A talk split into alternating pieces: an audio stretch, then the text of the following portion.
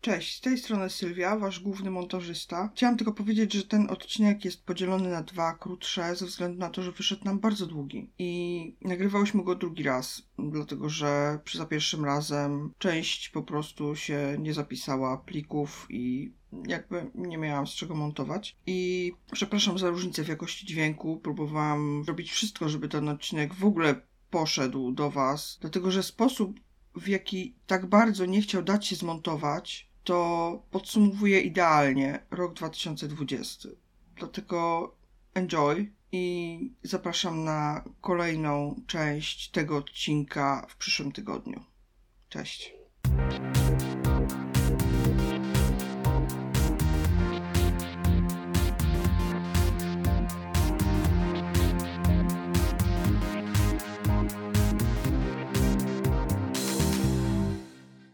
Dzień dobry, witamy w podcaście Zołzy Mówią. Nasz podcast to rozmowy popkulturalne, niekontrolowane, feministyczne, dygresyjne i abstrakcyjne. Między odcinkami możecie nas znaleźć w naszych social mediach, na Facebooku i na Instagramie, gdzie dzielimy się nowościami popkulturalnymi. Poza tym możecie zawsze do nas pisać na załzymówią.gmail.com, a na pewno odpowiemy na wasze pytania i sugestie. Zapraszamy na piąty odcinek tego sezonu, po raz kolejny. Cześć dziewczyny. Witajcie. Tak, po raz kolejny, ponieważ 2020 nie odpuszcza. A nie. 2020 nadal w sile. Tak. Jeszcze ostatnie dni, ale jeszcze dycha. Zacznijmy od tego, że witamy Was serdecznie w roku 2021, ponieważ słuchacie tego już po nowym roku i mamy wielką nadzieję, że nas słuchacie i nie było końca świata. Oraz, że nas słuchacie i nas nie wywaliło po raz kolejny. Tak. I że ten rok będzie trochę lepszy niż końcówka naszego Ja właśnie- 2020, ponieważ nagrywamy ten odcinek po raz drugi, dlatego że mój komputer postanowił nie zapisać plików. Więc wow. Ja wciąż czekam na to, że dostanę w Sylwestra mandat za przemieszczanie się. Bo musisz być taka rebel, no. No, nie wiem. Ej, 18.30 przyjeżdża pociąg do domu, więc powinnam zdążyć. Masz pół godziny. Dasz radę. Życie na krawędzi. tak.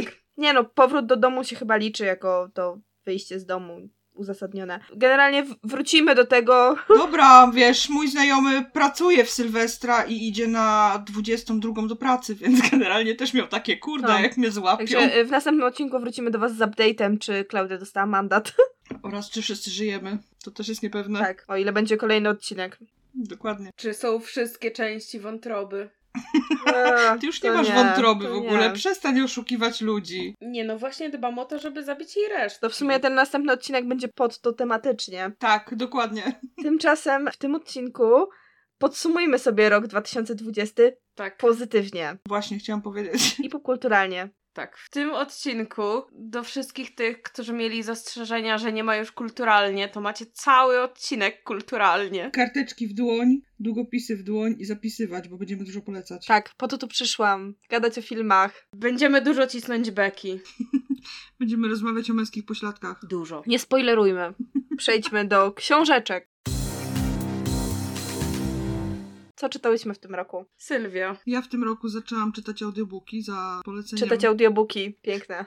Głupio to brzmi, ja wiem, ale kurczę, no w końcu to są książki, więc się je czyta, nie? No ale w sumie to tak jakby to czytać. Więc generalnie, no, ale audiobooki, tak, zaczęłam użytkować i zaczęłam ambitnie od Duny. Wszystko dlatego, że nie mam czasu czytać w papierze i bardzo chciałam tą Dunę przeczytać, bo chłopaki na napisach końcowych tam się rozpływali, że Duna to taka super książka. No i film ma być, nie? Więc to ja. Muszę najpierw przeczytać książkę, skoro istnieje książka, a potem dopiero obejrzeć film. Więc chciałam tą książkę przeczytać, ale ona jest dosyć y, konkretnie gruba, a ja nie mam czasu na czytanie w papierze, ani nawet na czytniku. Po prostu nie mam czasu. Ale mam dużo czasu na słuchanie, w związku z tym zdecydowałam się na audiobook i jestem zachwycona. Książka trafiła do absolutnego top 3 wszystkich książek, jakie kiedykolwiek przeczytałam. I zamierzam przeczytać wszystkie inne części też. Ja nie skończyłam jestem w trakcie. Daleko jesteś? Tak, na 70 stronie. A, no to spoko. Z 600. Sam początek. Zrób sobie tam w te top 3 miejsca na Hyperiona. Tak, tak, mam zapisanego Hyperiona. Tak, czy to już jest ten moment w podcaście, w którym Klaudia musi wspomnieć o Hyperionie? Tak. Każda z nas ma swój hashtag. To jakby ktoś nie wiedział, to jest moja ulubiona książka od trzech lat i wszystkim ją wciskam. Także czy macie czas porozmawiać o naszym panie i zbawcy Hyperionie? Cicho tam, nie spoileruj. Mamy czas porozmawiać o tym, ile książek przeczytałeś w tym roku. Właśnie. ja przeczytałam 52 książki, w A tym spadaj. 16 komiksów, więc nie ma tak Wyrzekam pięknie. się ciebie. Aczkolwiek no ja dużo słuchałam też książek. Ja dużo słucham na przykład grając w Simsy, żeby nie marnować czasu. Także trochę nadrabiam tych książek wtedy. Udajesz, że to jest bardzo dobrze spędzony czas. Tak, udaję, że wcale nie zmarnowałam życia na Simsy. I przesłuchałam tak 50-50. Mam dwie książki, które są przesłuchane, czyli Ślepnąc od świateł Żulczyka, które dopiero co skończyłam, jeszcze nie przetrawiłam, ale pozamiatało mną, zrzuciło mnie do kanionu, zawaliło lawiną, a potem jeszcze przeszurało po betonie i poczułam się zniszczona. No jest, jest to taka książka. Ja się cały czas zbieram do obejrzenia serialu, bo się bardzo boję, że będzie gorszy niż książka. A książka wywarła na mnie jakieś takie straszne wrażenie. Wiesz co, ja po przeczytaniu książki obejrzałam chyba półtora odcinka serialu, to książka jest moim zdaniem lepsza. No najczęściej książka jest lepsza. Aczkolwiek na przykład ta scena modlitwy w kościele, Mm. która jest taka bardzo osławniona w książce, jest autentycznie przepięknie zrobiona w serialu i po prostu naprawdę 10 na 10. To, to dla tej sceny chociażby warto obejrzeć, ale to pierwszy odcinek, więc... Ja w końcu, w końcu, w końcu się zbiorę do serialu, no ale serial niestety ma ten duży minus, że jest na HBO Go, którego nie znoszę. Ale no pamiętam, że książkę czytałam jak ona tylko wyszła i zrobiła na mnie wtedy bardzo duże wrażenie. No ja wtedy też byłam na takim haju zwyżkowym czytania wszystkiego, co napisał Żulczyk. No ale ja go darzę miłością niezwykłą od czasu Radia Armageddon, które wsiadło na mnie w bardzo właściwym momencie życia, kiedy to się buntowałam i słuchałam Cool Kids of Dead i uważałam, że to jest y, najlepszy moment w moim życiu. To ja Żulczyka poznałam. Byłam na spotkaniu autorskim i akurat mam i ślepnąc od świateł i właśnie Radio Armageddon podpisane. No ja mam Radio Armageddon jeszcze w, w ogóle w tym pierwszym wydaniu, gdzie nie ma Facebooka, tylko jest grono, więc to są czasy archaiczne. O to ja nie wiem, bo ja kupowałam przed samym chyba spotkaniem, więc nie jestem w stanie powiedzieć, ale bardzo mi się Żulczyk na żywo spodobał Mm. jako osoba i to jak on opowiada, jak opowiada o tym, bo to było akurat o serialu Ślepnąc od światem No ze tak, Skoniecznym tak, tak. też jeszcze spotkanie. Właściwie a propos jeszcze tego audiobooka, to, że Skonieczny, który wyreżyserował cały serial, czyta tego audiobooka, to naprawdę robi robotę, ponieważ to był człowiek, który jest tak mega zajarany tym ślepnąc od światem. No czuję, czuję ten Tak, klimat że- właśnie tej takiej mrocznej, dziwnej Warszawy. To jest fantastyczne, ale Żulczyk przezabawnie opowiadał, jest przekomiczny i ja go uwielbiam. I chyba go bardziej uwielbiam za to spotkanie autorskie niż za, za jakąkolwiek książkę, którą przeczytał, ale no. Napisał tak. chyba. Napisał. To znaczy tak, no ja byłam raz na spotkaniu autorskim z nim i właśnie też opowiadał fantastycznie. Ja też pamiętam, że sporo jakichś takich rzeczy, które później przeczytałam, wyniosłam z tego spotkania, ale to było bardzo dawno temu. To była chyba właśnie premiera Ślepnąc od świateł książkowego, nie serialowego. Pamiętam, że właśnie przyszłam z tym pierwszym wydaniem Radia Armageddon i on tak na mnie spojrzał na zasadzie Jezus Maria, ile to jest warte w tej chwili. No bo pierwsze wydanie Radio Armageddon bez zmienionego zakończenia, bo w nowej wersji podobno jest zmienione zakończenie, są drogie. ja nie wiem, czy mogę ci popsuć życie, ale ja wiem, że chyba w zeszłym roku byłaś na American Festival, nie? Mhm. To, to spotkanie było wtedy. A, no wiesz, ja byłam tam tylko na jeden dzień, y, tylko na chwilę. Ale nie jestem ci w stanie powiedzieć, w który dzień to Pewnie było. nie więc... w ten. Tak jak mówię, byłam na sekundę, o czym jeszcze wrócimy. No jeśli chodzi o Żulczyka, no to tak, to rozumiem ten zachwyt, bo mnie ta książka, jeśli chodzi o Światąc Świateł, też troszeczkę pozamiatała. No ja się zbieram do jego kolejnych książek, czyli do Wzgórza Psów i do Czarnych Słońc, aczkolwiek trochę się boję Czarnych Słońc, bo są takie... Dużo ludzi teraz pisało o tej książce w ramach tego, co dzieje się obecnie w Polsce i mam takie... Czy na pewno chcę o tym czytać w tej chwili?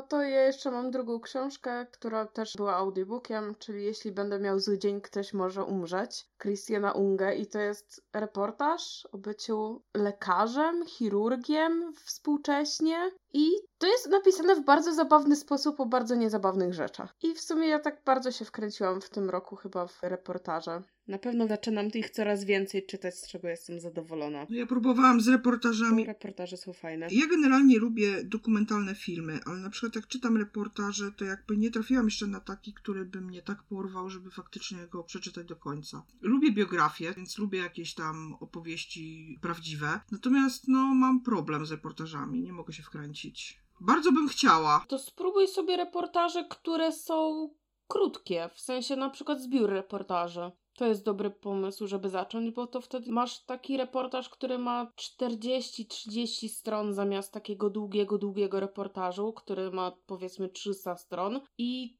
to cię może bardziej wciągnąć w gatunek. Bo ja pamiętam, że ja od takich zaczynałam. Ja miałam plan na ten rok, że będę czytała reportaże, ale zaczęłam i nie skończyłam dwóch i stwierdziłam, że chyba to jednak nie jest mój gatunek.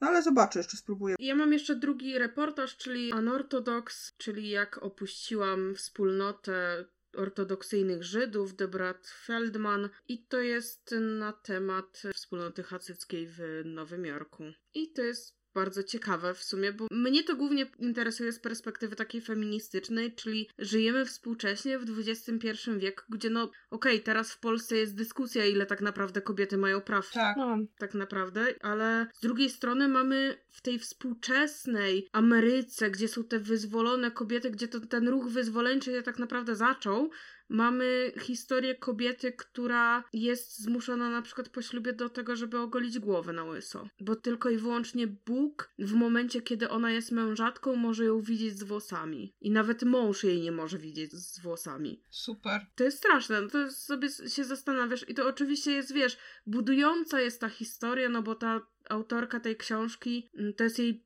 autobiografia, ona się faktycznie wyrwała z tego środowiska, też serial opowiada o tym wyrwaniu z tego środowiska, ale z drugiej strony masz takie, ile setek tysięcy dziewcząt żyje w takich środowiskach i nie jest się w stanie wyrwać, bo tak naprawdę w wieku 16 lat, czy tam w wieku, no powiedzmy tego, jak wchodzi dziewczyna w okres dojrzewania, mhm. i dostaje pierwszej miesiączki, ona przestaje mieć w szkole zajęcia typu, nie wiem, matematyka, polski, geografia, a zaczyna mieć naukę typu szycie, gotowanie.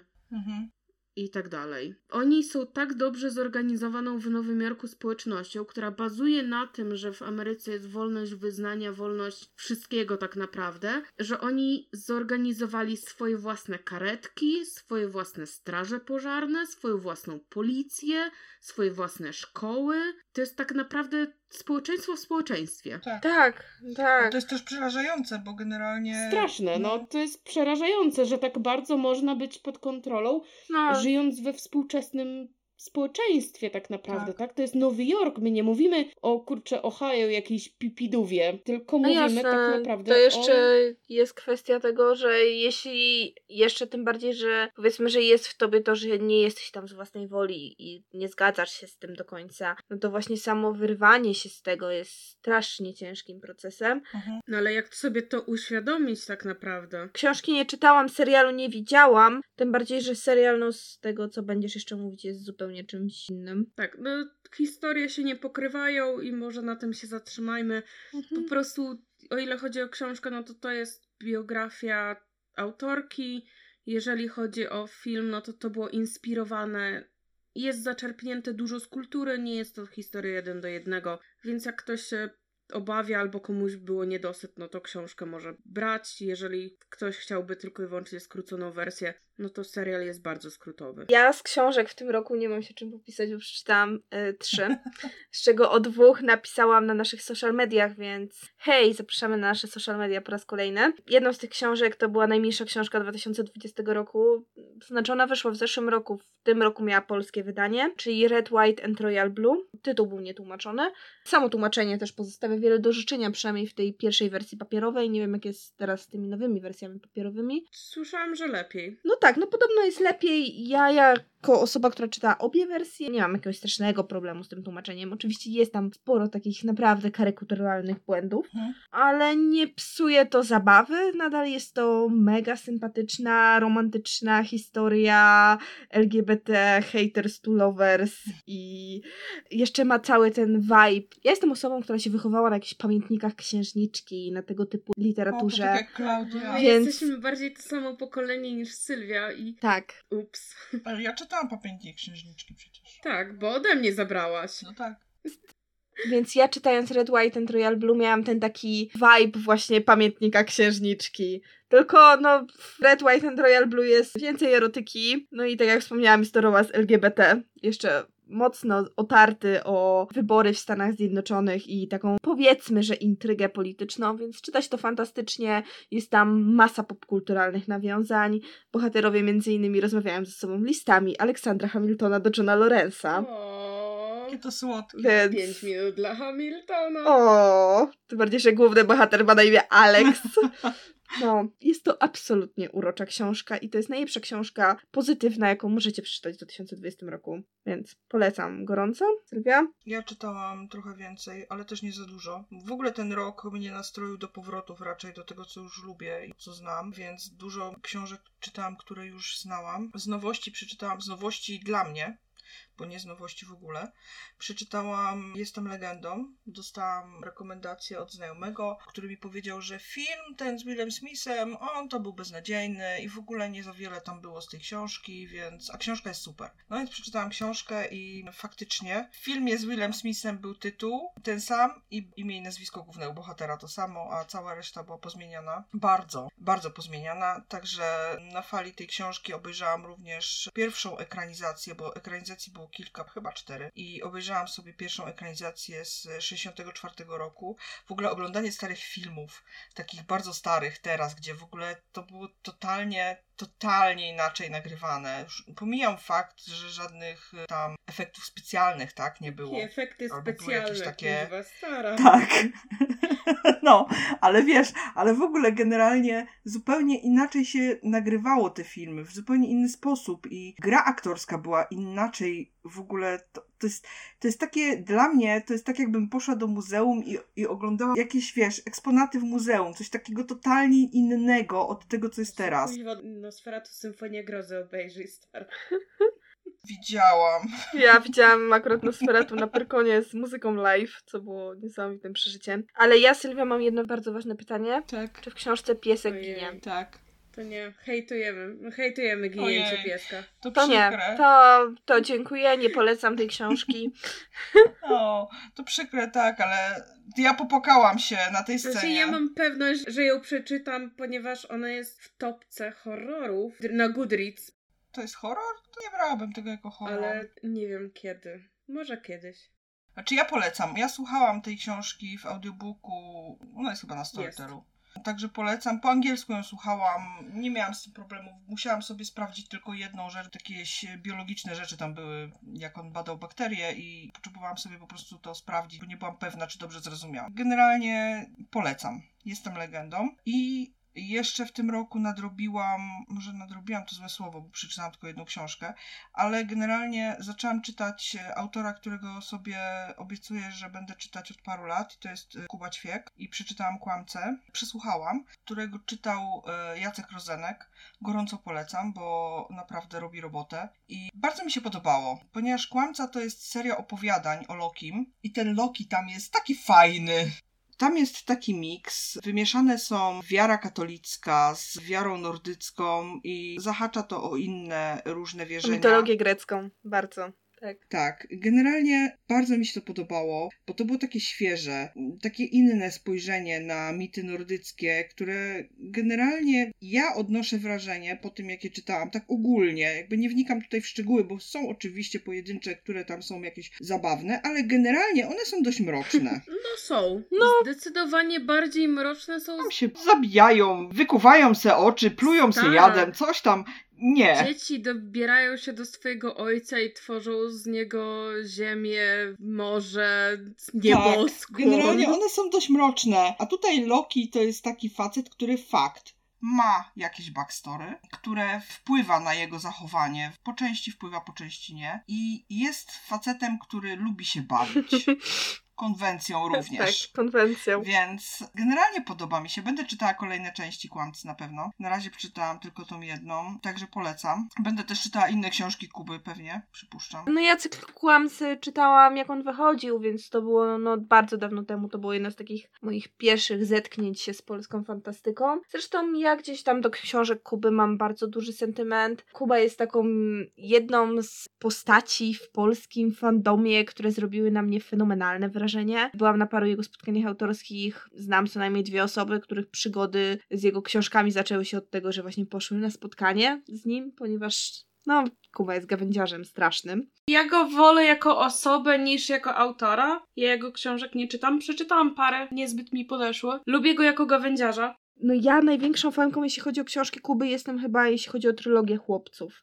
Absolutnie uwielbiam reinterpretację tego mitu Piotrusia Pana, przerobienie tego na gang motocyklowy, zahaczając o Sons of Anarchy. I to jest tak świetnie lekka i przyjemna lektura, że polecam każdemu. Jeśli ktoś się nie wczytywał, to no zdecydowanie polecam. I tak samo bajki, Grim City. Pierwsze było super, bo to jest takim właśnie kryminałem noir, który bardzo bawi się konwencją tych wszystkich starych filmów, morderstw i no, fajnie jest wpleciony ten wątek tego całego bajkowego świata. Tak, I nawet się udaje zrobić Kubie Ćwiekowi, mimo tego, że to jest książka, to takie plamy czerwieni w czarno-białym Tak, świecie. Tak, czytasz to i właśnie masz To takie... jest fantastyczne, bo to jest bardzo wizualne, mimo tego, że tak naprawdę jest to napisane tylko i wyłącznie. on właśnie ma taki talent takiego wizualnego przedstawienia swojej historii. No ja właśnie z kolei czytając Chłopców miałam ten vibe mojego bycia fanką siedmiu sezonów Sons of Anarchy. że po prostu, och, fenomenalnie mi się tych chłopców To ja czytało. się czuję strasznie przy Kubie Ćwieku na popkulturalne Stany Ameryki. O, też to chcę przeczytać. Ojej. Bardzo. Czyli znowu na reportaż, bo słyszałam To jest reportaż, tak. Tak, to jest jeden z tych reportaży, który właśnie chcę przeczytać. Mam go na półce od pół Tak, roku. bo słyszałam na nerdach jego wywiad z Tak. tego. Mhm. I to brzmiało cudownie i ja tego chcę więcej. No Tak. ja przekartkowałam tylko zdjęcia. Ale za każdym razem, jak sobie o tej książce przypominam i idę do Empiku, to akurat nie mają jej na stanie i mam zawsze takie, o, ale kiedyś. To wiem, co ci kupić na urodziny. Tak, Trzeba zapisać do naszych zeszycików. Otagujemy Kubę, pozdrawiamy bardzo serdecznie Kubę, wydaje się miłą tak. osobą. Ja ostatnio Kubę polecałam osobie, która w ogóle nie czyta polskiej fantastyki i powiedziała, że ty, ktoś mi polecił polską fantastykę i trafiłem na chyba ja Inkwizytor i miał takie "Ugh". O nie! O, o, o. od tego się odbił po prostu i ja miałam takie a próbowałeś może Urban Fantasy? I on miał takie mów dalej. Także ja poleciłam Grim City i mam wrażenie, że może Kuba nie jest do końca moim autorem, bo ja czytałam jego dwie książki i miałam takie mech, co nie zmienia faktu, że uważam, że jest świetnym autorem i ktoś może z niego czerpać bardzo dużą przyjemność. Pewnie. Jeśli jesteście fanami Marvelka i tego, jak Loki jest przedstawiony w Marvelku, to tym bardziej polecam cykl Kłamcy, bo jest to zupełnie Tak, inna postać tak. i Jest ciekawsza, dużo. dużo ciekawsza. bardziej złożona, dużo bardziej ciekawa i dużo bardziej To ja hot. mam jeszcze jedną książkę, o której jeszcze będę pisać, więc nie będę dużo mówić. To jest debiut mojej ukochanej autorki Li Bardugo jako książki dla dorosłych. I to jest o mrocznych stowarzyszeniach na Yale, które uprawiają magię Mhm. i które trzeba kontrolować. Mhm. Mhm. I to jest taki bardzo paranormalny, fantastyczny kryminał, gdzie główna bohaterka zostaje wrzucona w sam środek akcji i ona nagle musi ogarniać wszystko i nie wie jak ogarnąć wszystko, więc bardzo się utożsamiam w tym roku z tym. Jaki jest tytuł? To jest dziewiąty dom. Ona jest właśnie częścią tego dziewiątego domu. To jest to stowarzyszenie, które kontroluje wszystkie inne, dbając o to, żeby na przykład, no nie wiem, nie wywołały apokalipsy przez przypadek.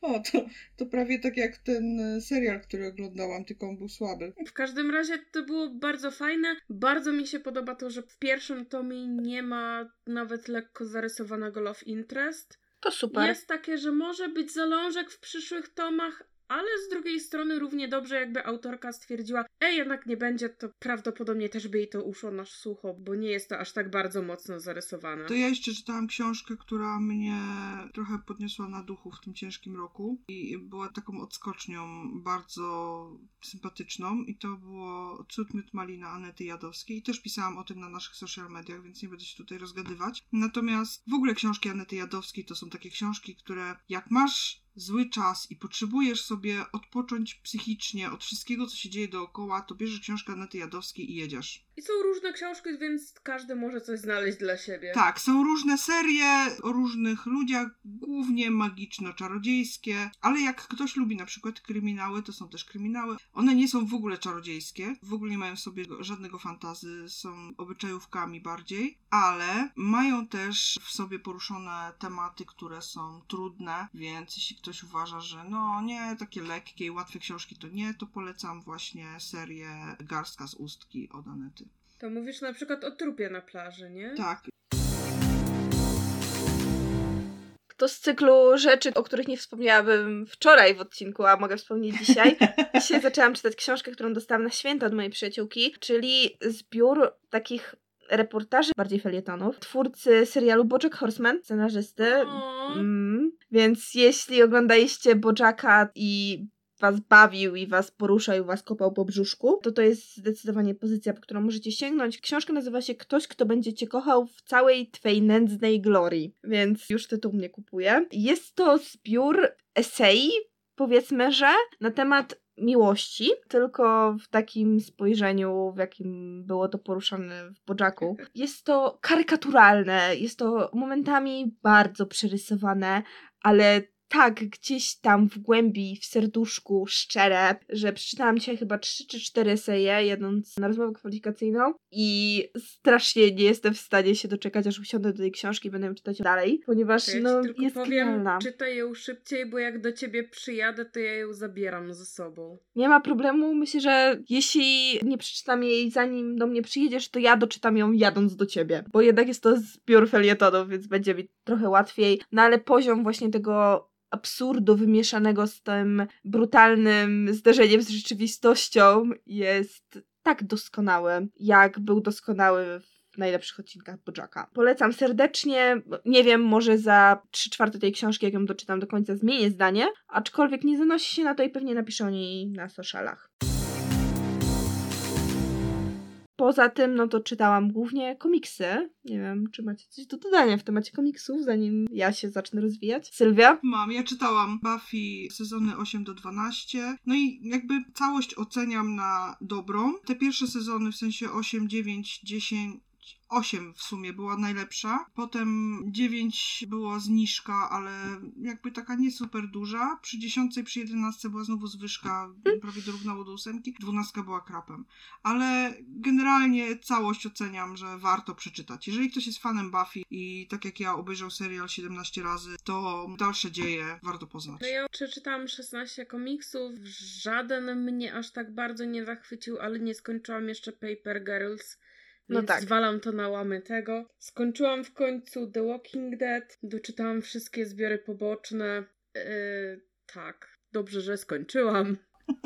No i przeczytałam Umbrella Academy. Wspominałaś coś chyba o tym Tak, komiksie. to The Walking Dead. Bardzo mi się podobał komiks, ale to był komiks poboczny. To była historia Negana, który pojawia się chyba dopiero w szóstym sezonie serialu, jeśli nie pamiętam. Ja go za pierwszym razem totalnie nienawidziłam, nie byłam w stanie przez to oglądać serialu, po czym jak wróciłam po trzech latach, to miałam takie, mmm, Negan, ubrania noszą ciebie, a nie ty nosisz ubrania. Negan to jest jedyne, co wzbudza moje zainteresowanie w tym serialu. Nie oglądałam go. Ja też nie. W każdym razie bardzo mi się podobało to, jak pokazano jego tak naprawdę origins i to nie był długi komiks, ale tak naprawdę był chyba dużo bardziej wart niż niektóre z tych rzeczy, które inne przeczytałam. Konstancja? Ja w przeciwieństwie do Klaudii przeczytałam zakończenie Paper Girls. Nie spoileruj. E, I ląduje u mnie Która totalnie w topce bardzo tego dziwną rocznej. relację No z Paper Girls jest dla mnie tą historią, która jest tak bardzo, jest tym, czym mogłoby być Stranger Things, gdyby ktoś tam przyłożył się do pisania postaci. Ile jest postaci męskich? Z dwie, trzy? Na cały komik? Tak. Nie wiem, bo jestem tylko po pierwszej serii. Pozytywnych z dwie. Nie, ale bohaterki w Paper Girls są tak świetnie napisane. Tak, Mają prawda. tak genialne charaktery i takie swoje te drobne rzeczy, które je wyróżniają od innych, że w każdym kolejnym tomie ja jestem zachwycona inną z nich. I zakończenie było takim dla mnie genialnym ukoronowaniem tej serii. Ja czytając tą serię miałam takie totalne wow, fajnie jest być dziewczyną bo rozumiem te problemy i mimo tego całego sci-fi, dziwnych rzeczy, podróży w czasie, innych wymiarów, kosmicznej wojny, które się tam dzieją, tam nadal są takie mega dziewczyńskie problemy i to jest jedna z moich ulubionych serii. Chyba moja najbardziej ulubiona seria komiksowa, która trafiła w moje ręce. Zwłaszcza, że jest zakończona, więc mogę to już powiedzieć. No czekam na kolejne części Deadly Class, które też bardzo mnie urzekło, ale o Deadly Class pisałam, pisałam o serialu, który znajdziecie na HBO Go i pisałam o komiksie, który też wydaje Non-Stop Comics, tak samo jak Paper Girls. Odsyłam na ich stronie, one mają świetne promki. Jeszcze z komiksów w tym roku czytałam oczywiście Mighty Thor od Jasona Arona. Jest to... Zgadnijmy dlaczego.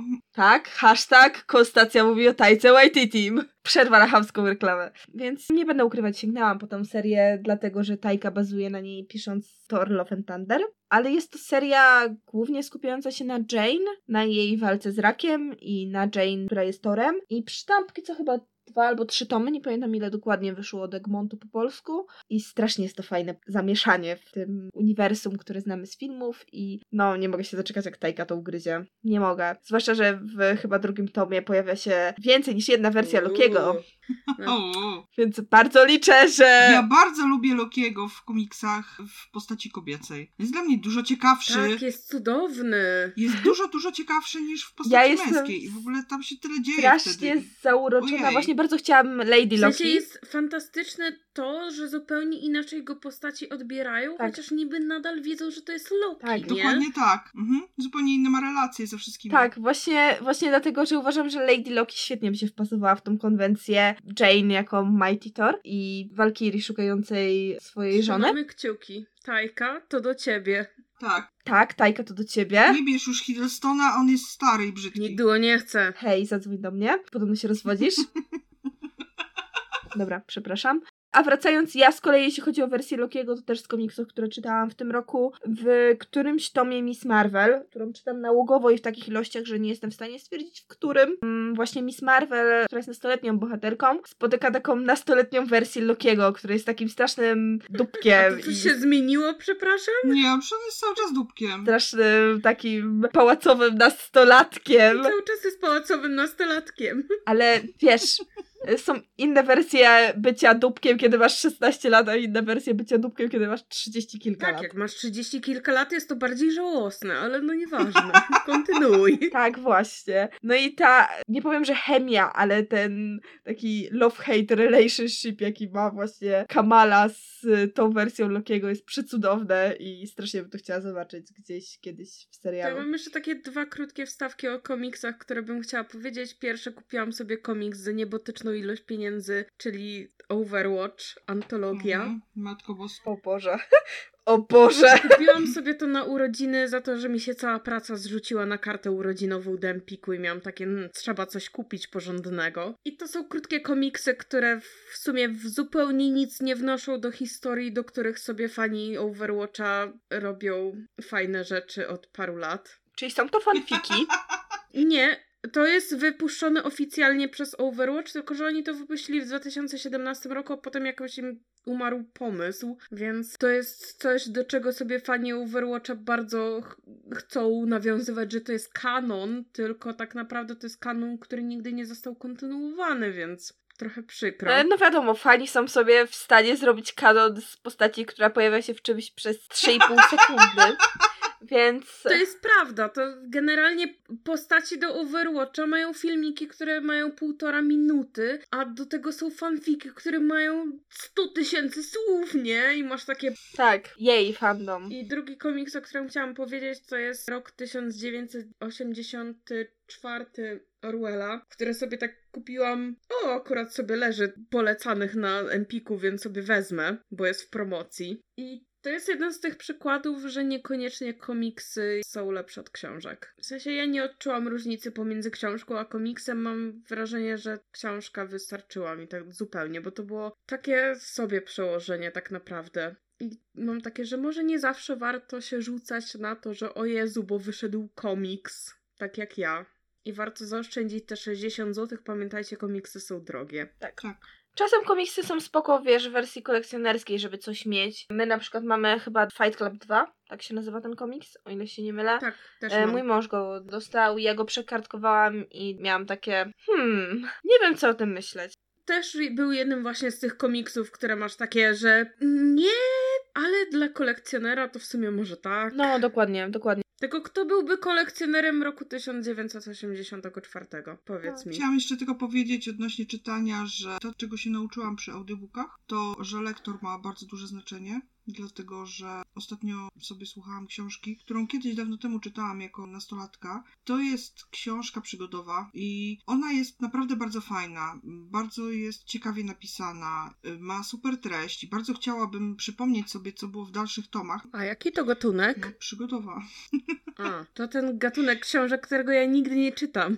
O nie. Tak, to ten gatunek książek, którego nigdy nie czytasz. To jest książka pod tytułem Czarne Okręty. Napisał ją Joe Alex, czyli naprawdę dobry pisarz. W każdym razie lektor jest tam tak słaby, że przesłuchałam pierwszy tom i bardzo chciałabym sobie przypomnieć, co było w kolejnych. Natomiast nie wiem, czy do niej wrócę, dlatego że no, odrzuca mnie troszeczkę ten lektor. Moim zdaniem nacisk kładzie na złe słowa i ta intonacja, którą przybiera, no to mi nie pasuje, więc generalnie w momencie, kiedy chcecie słuchać audiobooków, a jeszcze tego nie robicie, więc nie macie żadnego doświadczenia, dobrze sobie poczytać, czy dany lektor ma dobre oceny, czy nie. Bo ja miałam problem chyba z dwoma lektorami. Pierwszy lektor to było jak w Hyperionie pomiędzy drugim a trzecim tomem zmienił się lektor, ponieważ zmienia się narrator. I to było uzasadnione, ale przez pierwsze 15 minut miałam takie moje serduszko. O, A drugie to było, kiedy sobie puściłam Dzieci Hurina w lektorze Christophera Lee w zeszłym roku.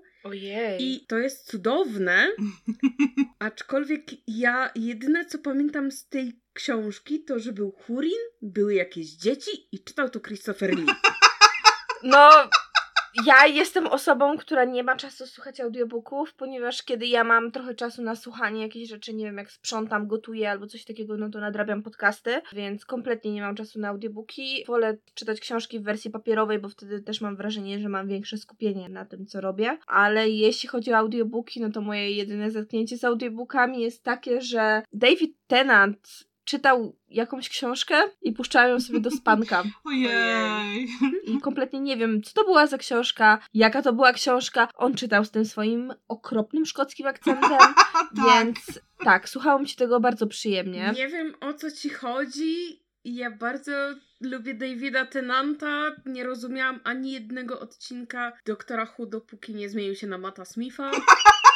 Tak, no, no, David Tennant ma bardzo charakterystyczny Bardzo. akcent. Mhm. E, Niemniej słuchało mi się go bardzo przyjemnie i bardzo dźwięcznie. Tak samo wysłuchałam całe High Rise w wersji audiobookowej czytanej przez Toma Hiddlestona. Nie ukrywam, że pamiętam cokolwiek z tej książki, bo nie. Puszczałam ją sobie do spanka. Mój pierwszy audiobook w ogóle w życiu, jaki słuchałam, to też Hiddleston czytał i to było The Red Necklace. Pamiętam, że książka mi się podobała. Pamiętam, że działa się w trakcie rewolucji francuskiej, nie pamiętam nic więcej. Uważam, że Hiddleston bardzo fajnie czyta, bo bardzo umie modulować głos dobrze, zmieniać. I bardzo fajnie kładzie akcenty. Tak, mam nadzieję teraz wrócić do tej książki, przesłuchać ją jeszcze raz, bo jak już się nauczyłam słuchać audiobooków i zapamiętywać tego, co słucham, no to jest szansa, że teraz będę mogła wynieść z tego trochę więcej. To jestem lamerem i ja zaczęłam słuchać audiobooków pod tytułem Storytel dawało darmowy miesiąc i ja miałam takie, ale bym sobie przeczytała Harry'ego Pottera.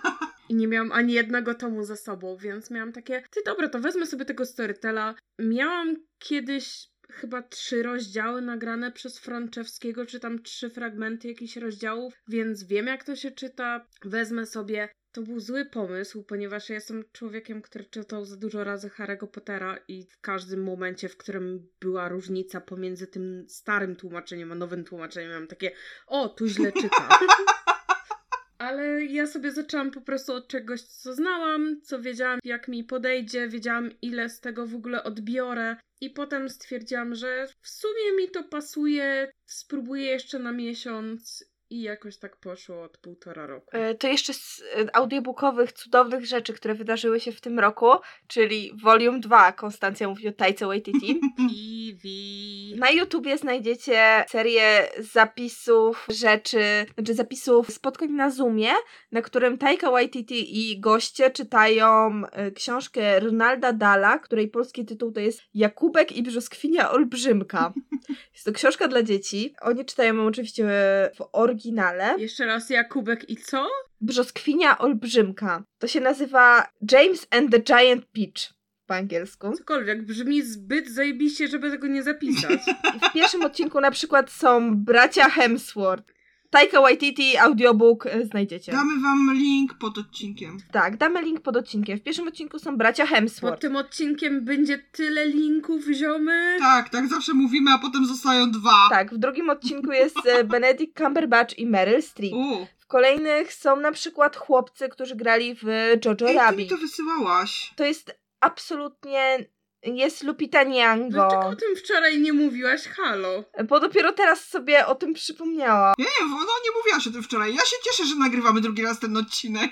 Tak, dopiero teraz sobie o tym przypomniałam. Jest tam Tessa Thompson, Olivia W Wilde. sensie, ja mam pomieszane pomiędzy jej, cieszę się, ten odcinek będzie trzy razy dłuższy. Tak. Tak, właśnie chciałam powiedzieć, że przed odcinkiem Klaudia stwierdziła, że a wiecie, bo już żeśmy to nagrywały, wiemy co mówiłyśmy, ten odcinek będzie krótszy. Ja się patrzę na timing teraz i stwierdzam, że jeszcze siedzimy w książkach, więc ten odcinek będzie trzy razy dłuższy. No, przepraszam, przepraszam. welcome. Przepraszam, y, nie możecie żyć bez tego absolutnie cudownego audiobooka, który zrobił mi pierwszy lockdown i czytanie książek dla dzieci przez pięknych ludzi. To ja się zastanawiam, co mogę wyrzucić ze swojego życia, najpewniej pracę. To ja też. Niestety, y, jeśli tak jak ja lubicie ładnych ludzi, to nie proponuję słuchać tego w tle, ponieważ oni się tak wygłupiają. Właśnie w odcinku, w którym jest Meryl Streep i Benedict Cumberbatch i Taika Waititi, ja po prostu kisłam ze śmiechu, jak oglądałam reakcję Meryl Streep na wydurnianie się y, Cumberbatcha i Waititiego na Zoomie. Polecam, polecam, jest to najpiękniejszy W kabaret. sensie, ja obejrzę to chociażby dla tego odcinka, ponieważ Meryl Streep. Tak, A a propos Meryl Streep, tak. jakie filmy żeście obejrzały w tym roku? Żaden z Meryl Streep. Ja też. Nie, przepraszam, małe kobietki Nie, obejrzałam tam małe Meryl kobietki. Chyba też. Ja w ogóle w tym roku bardzo mało obejrzałam nowości, bo żal kin, przez to niewiele nowości. Mi to nie przeszkodziło obejrzeć 61 filmów. Idź ty spadaj. Ty masz nawyki jeszcze ze szkoły w ogóle. Tak, to jest i tak marnie, biorąc pod uwagę, że ja studiowałam filmoznawstwo i był rok, w którym obejrzałam chyba 370 parę filmów. No idź to w cholerę. Poza Jojo Rabbitem chyba nic nie było z tego roku. Dużo robi jest z tamtego roku. Sensie Jojo Rabbit był 2019-2020. To znaczy tak. To e, jest taki przełom, więc... No ja też obejrzałam Jojo Rabbita w tym roku, bo załapałam się jeszcze na jakiś jeden z ostatnich seansów w kinach tutaj, bo jakby nie zdążyłam wcześniej. Znaczy ja widziałam w kinie po prostu tutaj, więc y, liczę to jako tegoroczny film, ale no tak, wiem, że to zeszłoroczny. No ja też wiem, że to zeszłoroczny, ale w tym roku go oglądałam, więc go liczę. To znaczy, zależy jak kto liczy. No ja liczę to jako zeszłoroczny, no bo widziałam go w 2019 roku. To jest właśnie mój powód pojechania do Wrocławia na American Film Festival na dokładnie 5 godzin. 6 godzin, bo widziałam dwa filmy. I no to było kiedy? To było wrzesień, październik? W listopadzie. To był długi weekend, między 1 listopada a 11 listopada, jakoś tak. Chciałam powiedzieć, że wtedy się jeszcze i tak nie znałyście. więc- Nie, nie znałyśmy się wtedy? No. Nie, nie. Nieważne. Nie, ale no ja wtedy generalnie pojechałam właśnie, pojechałam zobaczyć Jojo Rabbit tylko dlatego, żeby mieć go do topki zeszłorocznej, bo wiedziałam, że będzie w sezonie Oscarowym, znaczy miałam nadzieję, że będzie w sezonie Oscarowym, więc to jest numer jeden mojej zeszłorocznej topki filmowej. Moja tegoroczna topka filmowa się pewnie pojawi na naszym fanpage'u na Instagramie, więc hej, zapraszamy. Ale Sylwia, to jest twój jeden z najważniejszych chyba filmów w roku, tak? Tak, to jest film, na którym płakałam i śmiałam się i w ogóle go uwielbiam, ale to jest Taika, więc jakby hmm, nie mam więcej pytań. Ja nie lubię filmów wojennych. Hmm. Ja nie lubię filmów wojennych o Niemcach. ten film mnie zachwycił. Ten film po prostu mną wstrząsnął. Generalnie tak. Właśnie ja za dużo chyba na jego temat się nasłuchałam przed samym seansem, czego bardzo nie lubię, bo to wpływa bardzo później na moją ocenę. Ja mam straszny problem z tym, że jak ktoś strasznie tak zachwala, to ja później zawyżam i się spodziewałam Bóg wie czego, a to należało po prostu spodziewać się Filmu. Kolejnego filmu Taiki. Waititiego. Czy generalnie to zależy, czy w ogóle znasz rodzaj humoru, który Taika przemyca do swoich filmów, tak? Bo wtedy wiesz, czego mniej więcej się możesz spodziewać. Właśnie to nie o to chodzi, bo mi się ten film bardzo podobał. To, to nie jest tak. Ja go oceniłam chyba na 9, na 8, więc bardzo wysoko i tak jak na mnie. Ale to było tak, że mi go tak bardzo pozachwalano, że ja będę płakać w iluś tam momentach i będzie tyle wzruszeń i będzie tyle po prostu momentów ściskających za serce, że ja miałam takie okej, 8 na 10, nie? No ja jestem osobą, która już na pierwszym długometrażowym filmie Taiki Waititiego się spłakała. Potem jakoś niedawno oglądałam Hunt for the Wilder People. Albo zapomniałam. Kiwi! Tak, kiwi. Tak, i wiedziałam, że to będzie coś w tym klimacie, a na Hunt for the Wilder People spłakałam się strasznie na końcu. Nie dlatego, że to jest smutny film, tylko tak emocjonalnie mnie gdzieś tam złapał za serce. No i jak poszłam na Jojo Rabbit, no to tak jak już wspominałam, pojechanie na American Film Festival dla mnie miało takie emocjonalne znaczenie, dlatego że widzę ten film jako pierwsza osoba w tym kraju i oglądanie go z salą pełną salą, największą salą na Nowych Horyzontach, która w tej jednej scenie, jeśli widzieliście Jojo Rabbit, wiecie Mhm. w której scenie, po prostu zamarła. Ja słyszałam, jak wszyscy momentalnie biorą wdech i później jest cisza, którą później przerwało chyba moje histeryczne łkanie, ale to jest, ja naprawdę, ja wyszłam z tego filmu, poszłam na kolejny film, który też był dobry, też był dosyć ciężki. Nie będę o nim teraz wspominać, bo nie jest w mojej topce. I pamiętam, że później po tym drugim filmie jeszcze wyszliśmy, pojechaliśmy coś zjeść i ja siedziałam y, na pierożkach pijąc alkohol i mój mąż tak na mnie spojrzał i miał takie czy jesteś już gotowa o tym porozmawiać? A ja miałam takie nie, nie, ja jeszcze potrzebuję chwili, bo ja zaraz zacznę płakać. No, No. to jest film, który mną też pozamiatał troszeczkę. Ja generalnie kocham aktorstwo w tym filmie. Wszystkie role, które tam były, były genialne. Może tak. Uważam, genialnie zagrane. Moją ulubioną rolą w tym filmie jest rola Sama Rockwella, Tak. który był genialny po prostu. Tak. I no, mogłabym długo o Jojo Rabbit, ale to nie o to chodzi w tym odcinku, więc y, tak, obejrzyjcie, warto. Nie no, to jest topka filmowa, więc fajnie o nie mówić. W sensie ja mam taki problem, że mi się takie bardzo emocjonalne filmy zdarzyły z rok, dwa lata temu. I to takie, które mną tak bardzo pozamiatały na takiej zasadzie, że ja byłam chyba na seansie trzech czy czterech filmów pod rząd i stałam na jednym filmie przy wejściu z ręką już po prostu na drzwiach do wyjścia i nie byłam w stanie wyjść z końcówki filmu, ponieważ tak bardzo mi się lały łzy, że ja nie byłam w stanie się ruszyć i pani z obsługi stała koło mnie i patrzyła się na mnie z takim lekkim obrzydzeniem pod tytułem What the fuck. Co to był za film? To był film Kafarnaum. A, okej. Kojarzę. Tak, to jest dramat. Został nagrodzony bodajże Mhm. Oscarem, z tego co pamiętam. W każdym razie, no, to jest ten problem z tym rokiem, że nic nie było takiego, co mną aż tak bardzo pozamiatało. No ja miałam parę rzeczy, które mną troszeczkę pozamiatały w tym roku i jeśli jesteśmy w temacie kina wojennego, no to mną na początku tego roku, jeszcze w poprzednim sezonie nagród, kompletnie pozamiatało 1917, które miałam okazję widzieć w IMAXie dwa razy. I jest to film Sama Mendesa. Jest to film, który jest kręcony na takim, powiedzmy, że sfejkowanym one-shocie. No bo tam, jak się przyjrzysz, to widzisz cięcia montażowe. Mhm, tak. Jeśli się tego nie spodziewasz, no to ja przez pierwsze 10 minut tego filmu musiałam mówić swojemu mózgowi, że muszę mrugnąć. Bo mój mózg mruga zazwyczaj wtedy, kiedy wyłapuje cięcie montażowe na ekranie. W tym filmie mój mózg nie wyłapywał cięć montażowych, więc musiałam sobie powtarzać, że hej, musisz mrugać.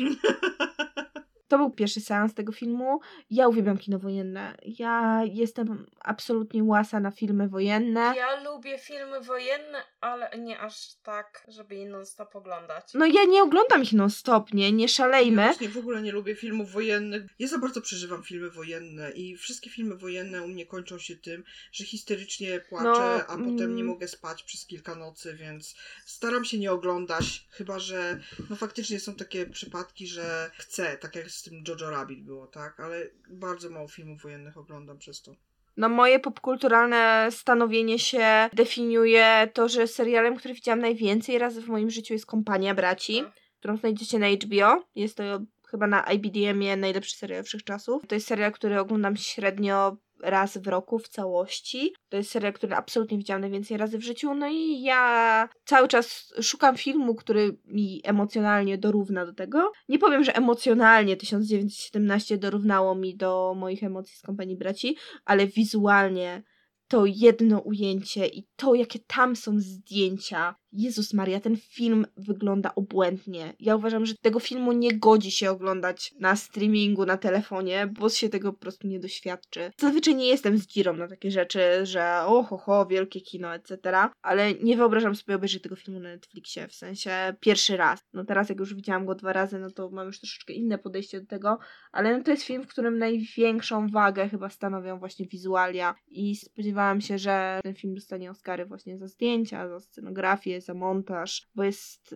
tak świetnie zrobiony. Atumech. Poza tym aktorzy w głównych rolach są bardzo spoko, bardzo liczę na ich kolejne role, bo to są młode chłopaki. No ja w tym roku z filmów wojennych to dosięgnęłam fotografa z Mauthausen i powiem wam, że cały film nie wywołał na mnie aż takiego wrażenia, ponieważ ja byłam nastawiona. To jest druga wojna światowa, to są obozy koncentracyjne, to są nazistowskie Niemcy, to wiemy czego się spodziewamy, po czym w momencie, jak doszło do wyzwolenia tego obozu i były już takie ostatnie, ostatnie dwie minuty wszystkich ujęć, to były takie dwie sceny, które mną tak pozamiatały, że ja miałam uraz do filmów wojennych od tego czasu i jeszcze nie wróciłam. Z czego jedna scena była taka bardzo, bardzo poruszająca, w sensie w trakcie po prostu swojej kariery w tym całym obozie główny bohater spotkał Karła, który mówił, że on jest czegoś tam profesorem i to, że on jest taki dziwaczny i taką dziwaczną ma fizjonomię dotychczas zachowało go przy życiu i w momencie, kiedy doszło do już wyzwolenia tego obozu, główny bohater przechodzi przez kolejne sale i w pewnej sali zaznaje taki wielki słój, który jest zasłonięty płachtą. Jak zdejmuje tą płachtę, to okazuje się, że tam jest wiwisekcja tego właśnie profesora. Ojej. I ja miałam takie... Ojej. I to jest moment po wyzwoleniu, więc człowiek się tego zupełnie nie spodziewa. Ojej. Więc Ojej. to mnie tak bardzo zakuło w serduszko, że od tego czasu jeszcze nie chwyciłam za filmy wojenne, chociaż też bardzo lubię ten gatunek. Nie, rozumiem to, rozumiem to, ponieważ ja mam dokładnie taki stosunek do ósmego odcinka Kompanii Braci, w którym bohaterowie, to jest serial ogólnie o amerykańskich żołnierzach i oni, tam kompletnie się tego nie spodziewasz, bo tam są zupełnie inne dramaty przez te osiem odcinków i oni w pewnym odcinku właśnie trafiają na obóz koncentracyjny. I ja pamiętam, że to jest serial, który ja widziałam kupę lat temu. Ten serial ma prawie 20 lat. I pamiętam cały czas, jaki ja miałam odczucia, jak widziałam pierwszy raz właśnie ósmy odcinek tego serialu. I do tej pory mam takie same odczucia oglądając ósmy odcinek tego serialu. Ale tak, Klaudia, przejdźmy do 2020. Twój film roku. Mój film roku to. Dlaczego nie 365 dni? To na pewno nie będzie 365 dni, bo to jest straszny film i w ogóle ja go przespałam trochę. Dobrze zrobiłaś. Ja go nawet nie widziałam. Ale mój film roku to jest film, który jest tak bardzo daleko od obecnego roku. Ponieważ mój ulubiony film w tym roku to był Ukryty Wymiar z 1997 roku w reżyserii Paula W.S. Andersona. I to jest film, który ja oglądałam z jedną z moich najlepszych przyjaciółek przez internet i go włączyłyśmy tak totalnie przez przypadek. Miałyśmy takie, jak będzie dobry, to go obejrzymy, jak nie, to go wyłączymy, obejrzymy coś innego. Mhm. No i to był horror, więc prawa rządzące się horrorami typowo z 97. No tak. To czarny umiera pierwszy, nie? I tam było dwóch czarnych, aczkolwiek jeden z tych czarnych Mhm. to był ziomek, który się nazywał Cooper i który cisnął po prostu maksymalnie na wszystkie zadania. On, on wszystko musiał pierwszy, więc poziom przeżywalności minus 15, po czym okazało się, że on ma zero skilla w czymkolwiek i jego główną zaletą bycia na tym statku kosmicznym jest to, że on z tych wszystkich naukowców, inżynierów i tak dalej, on jest przyjacielem kapitana. To myśmy go przed pierwszą misją pożegnały honorami, nie? No i? I ludzie, uważam, że to nie spoiler, bo to film z 97 i tylko ja go nie oglądałam do tego czasu. To ludzie on przeżył do końca filmu. Tak, wiem, widziałam ten film, naprawdę.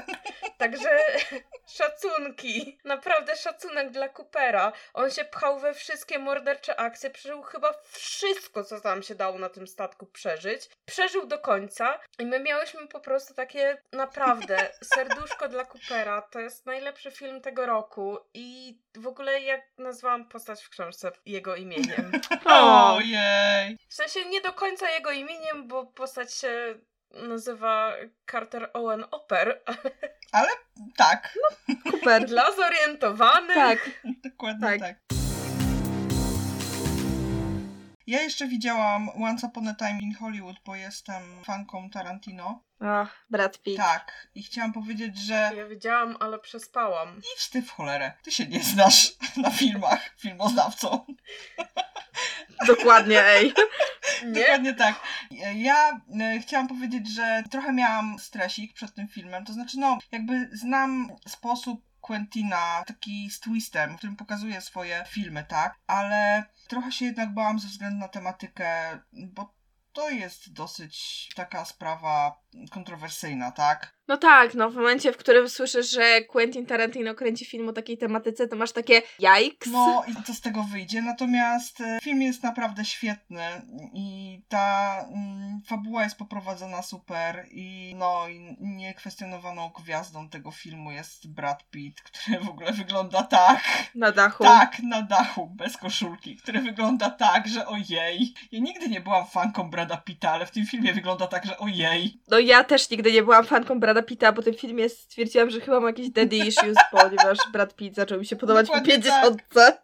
Więc tak, no ten film był zdecydowanie w topce mojej e, zeszłorocznej. No u mnie no, numerem jeden tegorocznym jest film Arona Sorkina, na który bardzo czekałam, ponieważ czekam na każdy film Arona Sorkina. Zwłaszcza po jego filmie z Jessica Chastain, czyli Grze o Wszystko. To film Mhm. o pokerze z 2017. U nas chyba był w 2018 ten, ten film, z tego co kojarzę. Ale no ja generalnie uwielbiam sposób, w jaki Sorkin tworzy swoje historie, buduje swoje scenariusze, zresztą też jest wielokrotnie nominowany do Oscara twórca, głównie za scenariusze, teraz zaczął robić reżyserię. No i Proces Siódemki z Chicago, który znajdziecie na Netflixie, jest dla mnie filmem roku, ale ja jestem strasznie osobą łasą właśnie na filmy sądowe, na filmy polityczne. Mhm. I ja ten film widziałam jeszcze zanim zaczęły się protesty w Polsce, ale strasznie właśnie emocjonalnie go odbierałam pod względem no, budowania scen, w którym masz tą grupę osób, z którymi się utożsamiasz, która staje naprzeciwko policji i wiemy jak to się skończy. Mhm. I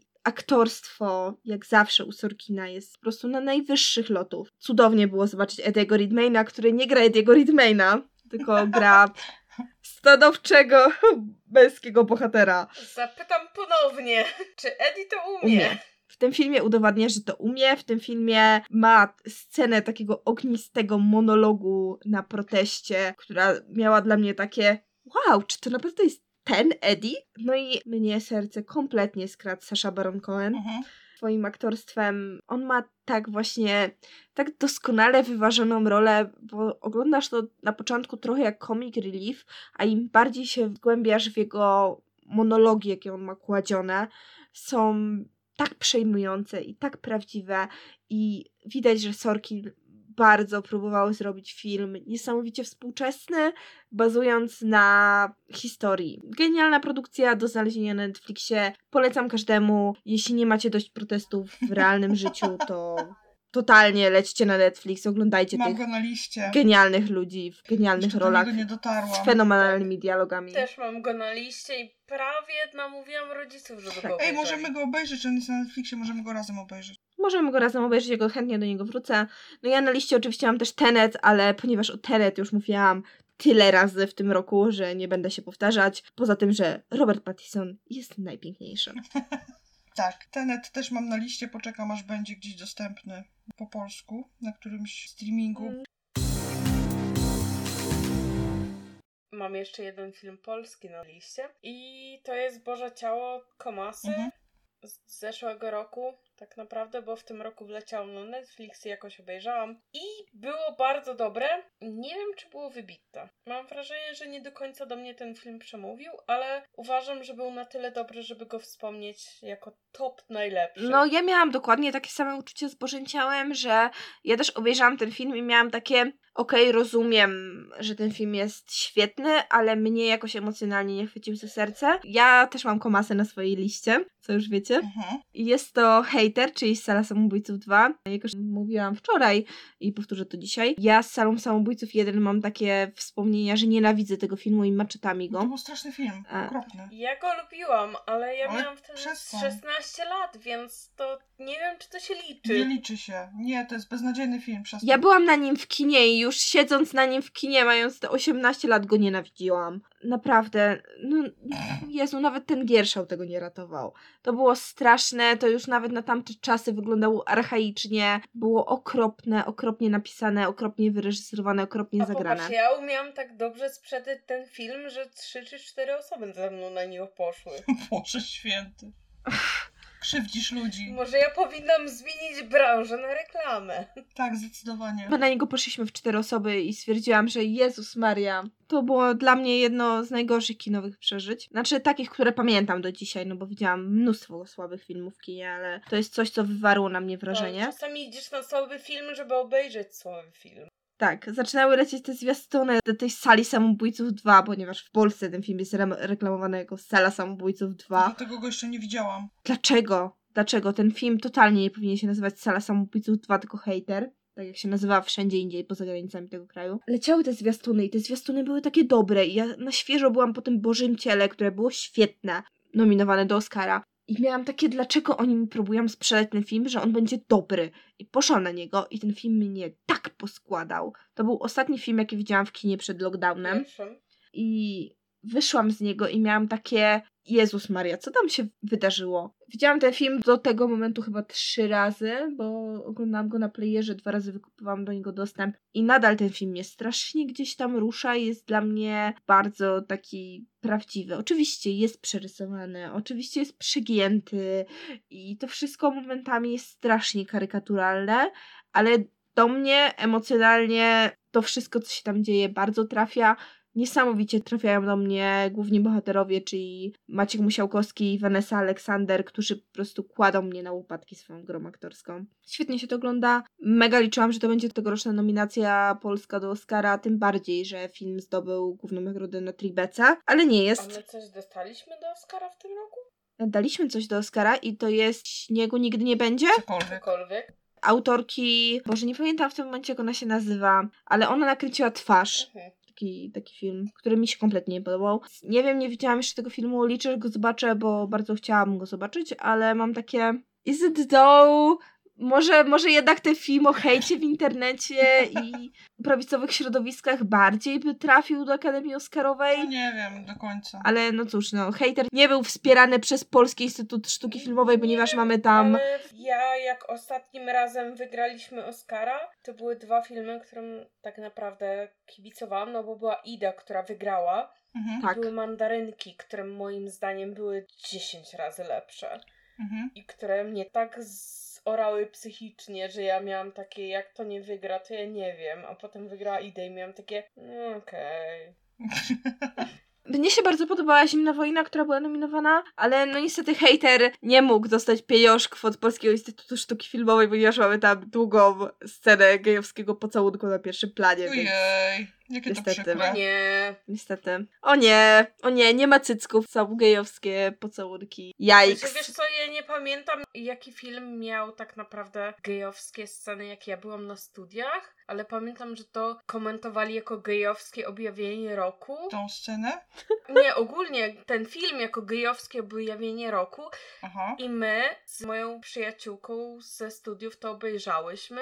Miałyśmy takie, że obie byłyśmy obrzydzone i zażenowane tym filmem. Ej, no, już w pierwszej sali samobójców był taki Ale vibe. to nie była sala samobójców. O Jezu, to było coś o wieżowcach. Coś o Płynące wieżowcach. wieżowce, czy coś takiego? Płonące wieżowce. Tak! O rany, to było takie straszne i to było takie słabe i my miałyśmy takie pół filmu uprawiają seks heteroseksualny, bo co? Co? Co? No bo to objawienie gejowskie, nie? Tak, jeśli chodzi o polskie kino, to jest fajna rzecz, na którą zwróciła mi rzecz jakaś blogerka filmowa. Czyli jeśli wchodzisz do kina i widzisz logo Polski Instytut Sztuki Filmowej, to wiesz, że filmy będą cycki. I niestety to się O, sprawdza. dobrze wiedzieć. Niestety. I niestety te cycki w 90% nie mają zastosowania w No, fabule. bo nie, bo muszą tam być cycki po prostu, a ty się nie znasz. Po prostu. No ja się nie znam. Nie wiem. Mnie bardziej jara Maciek Musiałkowski i Jakub Szur całujący się na ekranie. Przepraszam. To jest zaprzeczenie tak naprawdę upadkowi polskiej heteroseksualności. Polskiej prawdziwej rodziny. To chyba E, tak. katolickiej O, rodziny. Właśnie, właśnie. Coś takiego. E, Also, pozdrowienie dla tego 20-minutowego segmentu, który będziesz musiała teraz wyciąć. Nic nie będę wycinać. Jak się komuś nie podoba, to niech nie słucha. dokładnie. Macie jeszcze jakieś filmy, o których chcecie wspomnieć? Bo ja mam kilka. Tak, ja mam małe kobietki, które oglądałam i mają cudowną obsadę i mają zmienione zakończenie. Mówiłyśmy o nich. Nie, wspomniałyśmy tylko, że oglądałyśmy, bo tam Meryl Streep była. Mówiłyśmy wczoraj. Tak. Tak, pomówmy o małych kobietkach. Mm, to ja widziałam i fajne. Pozdrawiam. No. Widziałam i fajne. Znaczy ja generalnie bardzo lubię tą książkę i oglądam wszystkie adaptacje, które są i w tej jednej konkretnej zachwyciło mnie zmienione zakończenie, które było takie słodkie i takie na czasie i takie bardziej normalne, bo w książce jednak to było takie totalnie cukierkowe i totalnie takie romantyczne i w ogóle, a tutaj fajnie jest ta wyzwolona dziewczyna, która pisze tą książkę i rozmawia z tym wydawcą i ten wydawca mówi, no ale oni muszą się pobrać, no dajmy coś tym czytelnikom, a ona mówi, ale ja nie chcę, żeby oni się pobrali, bo nie o to chodzi w tej książce. I to jest piękne i to mi się podobało. Ja mam książkę, której jeszcze nie przeczytałam, mi się generalnie podobało, ale no też zgadzam się z tymi osobami, które twierdziły, że no to nie jest najbardziej feministyczny film roku. Ale to nie chodzi o to, że to jest najbardziej feministyczny film W roku. sensie to jest chyba najstarszy feministycznie film On mi się podobał w porównaniu z innymi adaptacjami tej książki bardzo i ja nie mam na przykład problemu z tym, że jeżeli jest jakaś książka, czy jakiś komiks, czy jakieś inne dzieło i na tej podstawie albo w oparciu o to powstaje film i ten film zmienia rzeczy, które są w tym pierwotnym dziele, to ja nie mam z tym absolutnie żadnego problemu, jeżeli to ma jakieś poparcie w jakby w treści, jeżeli fabuła jakby do tego dąży i jest to, to się trzyma kupy wszystko razem, to jest dla mnie okej. No przykładem jest serial Pullmana, tak? Musi być. Hashtag Pullman.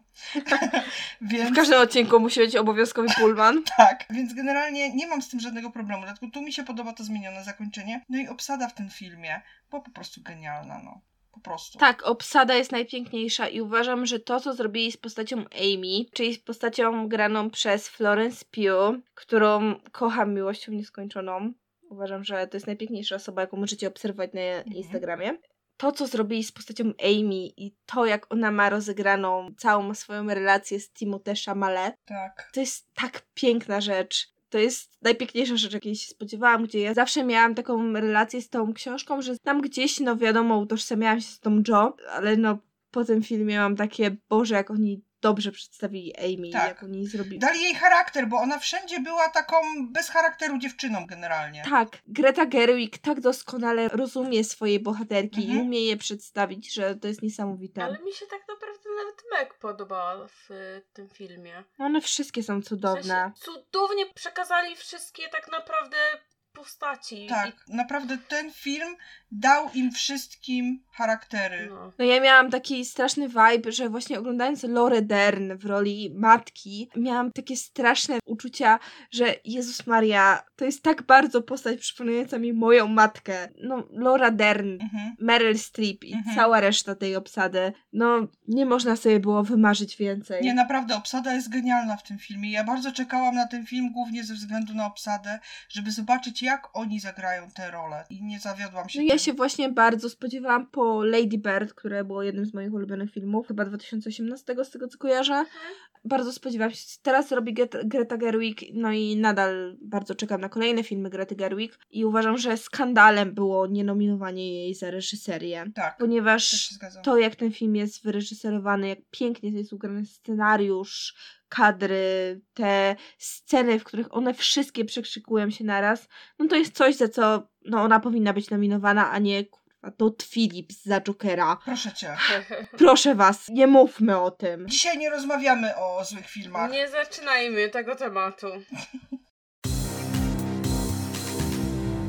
Kolejną osobą, która powinna być nominowana do Oscara za reżyserię, a nie była, jest Lulu Wang za Kłamstewko. Tak. czyli film z Aquafiną w roli głównej, który jest właśnie u mnie w topce. To jest film o Amerykance chińskiego pochodzenia, która dowiaduje się, że jej babcia umiera i cała jej rodzina jedzie do jej babci. Oczywiście nie mówiąc jej babci, że umiera, tylko wszyscy o tym wiedzą, nie mówią To jej jest o tym. piękny film, w sensie ja po samym trailerze miałam takie, że mnie to mega za serce chwyciło Tak, ja też... i bardzo bym chciała ponownie to obejrzeć. Mnie zafascynowało to, że ten film jest na podstawie e, prawdziwej, Prawdziwej historii, e, tak. prawdziwej historii, tak. Tak, tak.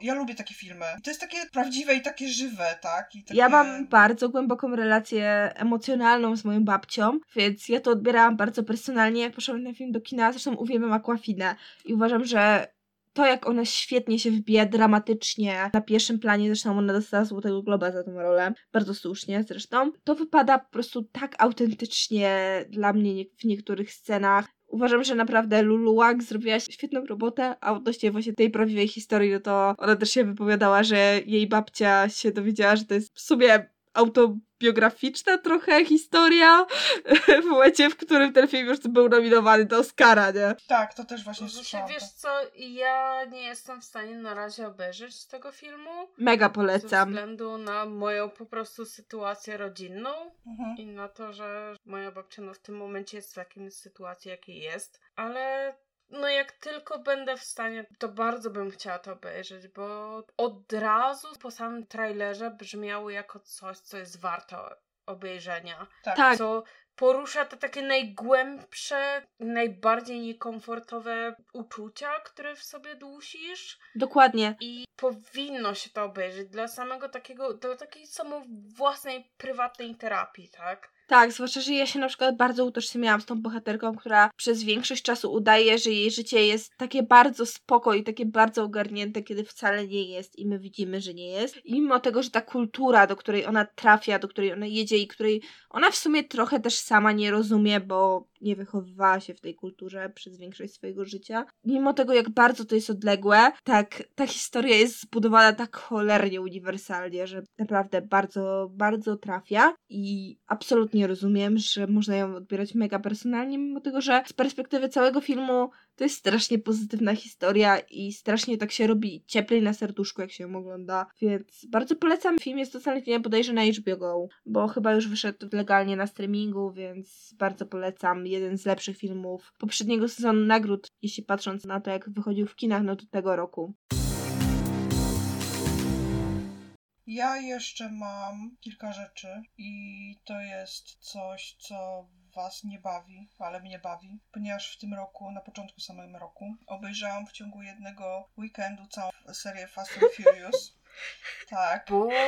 Cicho, tam ty się nie znasz. Obejrzałam ją. Ja nie mówię, że mnie nie bawi. Ja obarczam winą za to Pawła Opydo, który ostatnio mi napisał, że to wcale nie wina, tylko to jego zasługa, więc Ja się pytam, ile ci Pydo płaci za reklamę. Tak naprawdę. Chamską reklamę.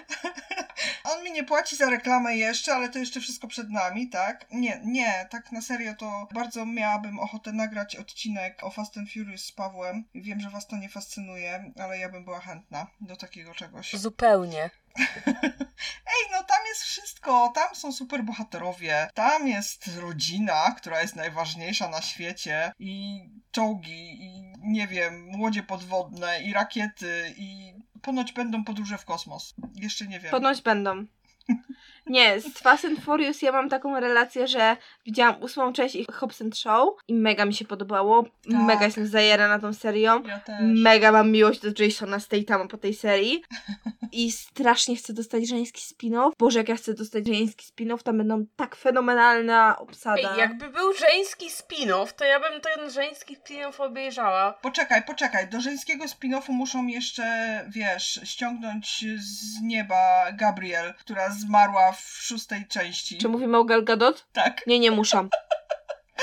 W sensie ja widziałam tylko ósmą część i pierwszą część Copsy Show i bardzo chciałam obejrzeć resztę, ale zaczęłam drugą część i stwierdziłam, że nie, nie ma takiej ilości alkoholu, która by mi pozwoliła obejrzeć to. Nie, bo druga jest słaba. Ja wiem, Naprawdę, zacznij od piątej i obejrzyj od piątej do końca i reszta olej. ja wiem, to trzeba jak z Doctor Who zacząć od piątego sezonu. Tak.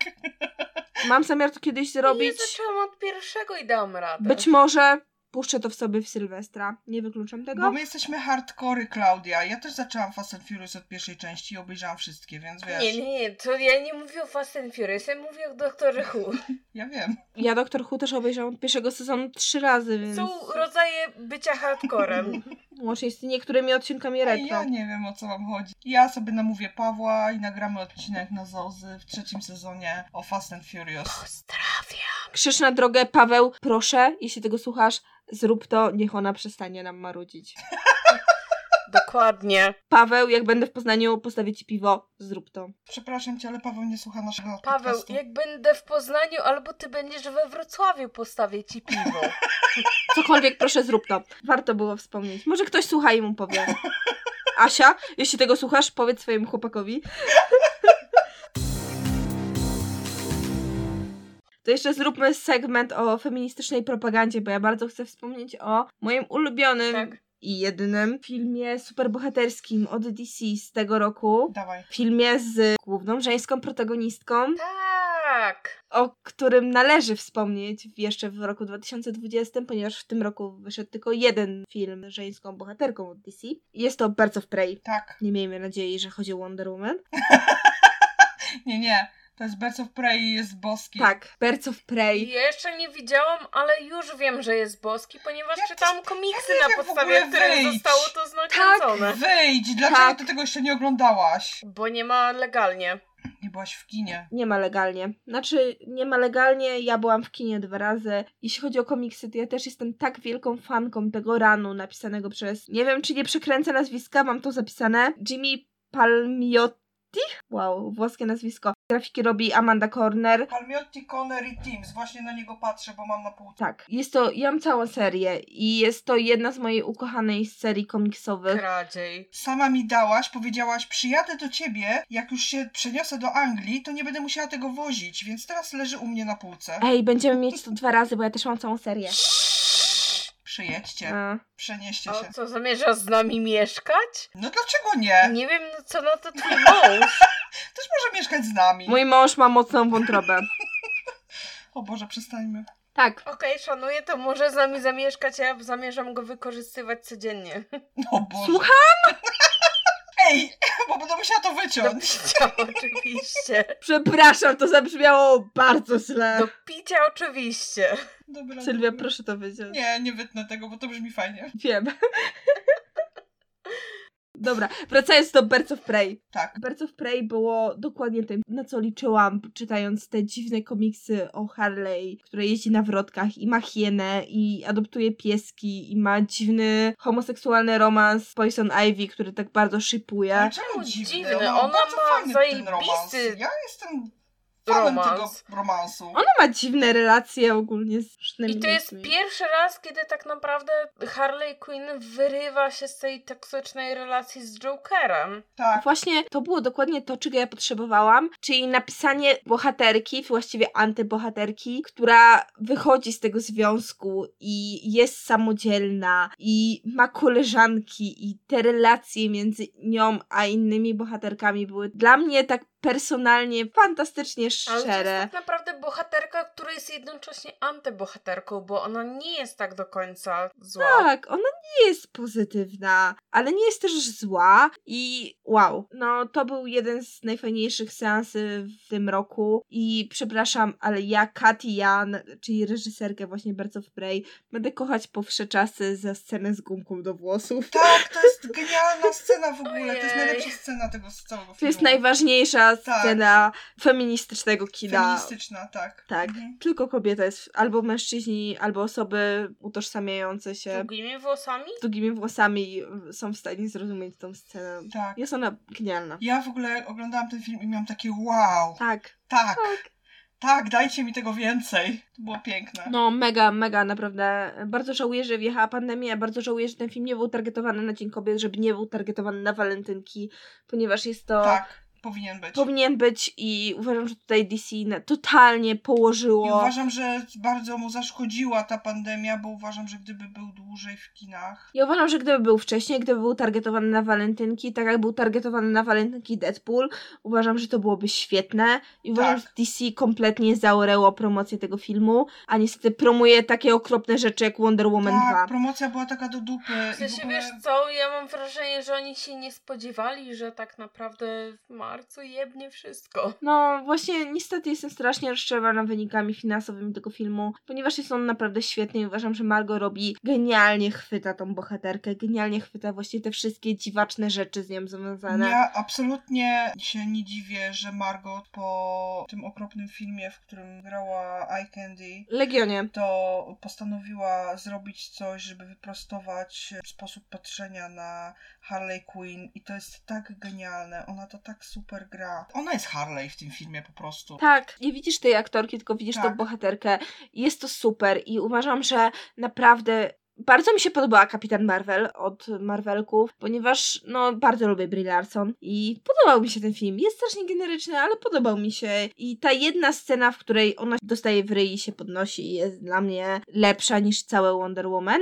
Ale no niestety no bardzo w Prey bije to na łeb właśnie takimi prostymi scenami jak to, że czasem potrzebuje, żeby ktoś ci pożyczył gumkę do włosów i ta osoba jest. Dokładnie tak. I to jest tak prawdziwe i tak urocze i to, że czasem masz ochotę zjeść rano tą kanapkę i nie przejmować się absolutnie niczym. To jest najważniejsza rzecz we wszechświecie. Dobra kanapka najlepsza. I strasznie bym chciała, żeby właśnie filmy z superbohaterkami bądź po prostu antybohaterkami szły właśnie w tą stronę, a nie w wciskanie nam na siłę wątków romantycznych. Czyli Wonder Woman 2. Wpis pojawi się na fanpage'u.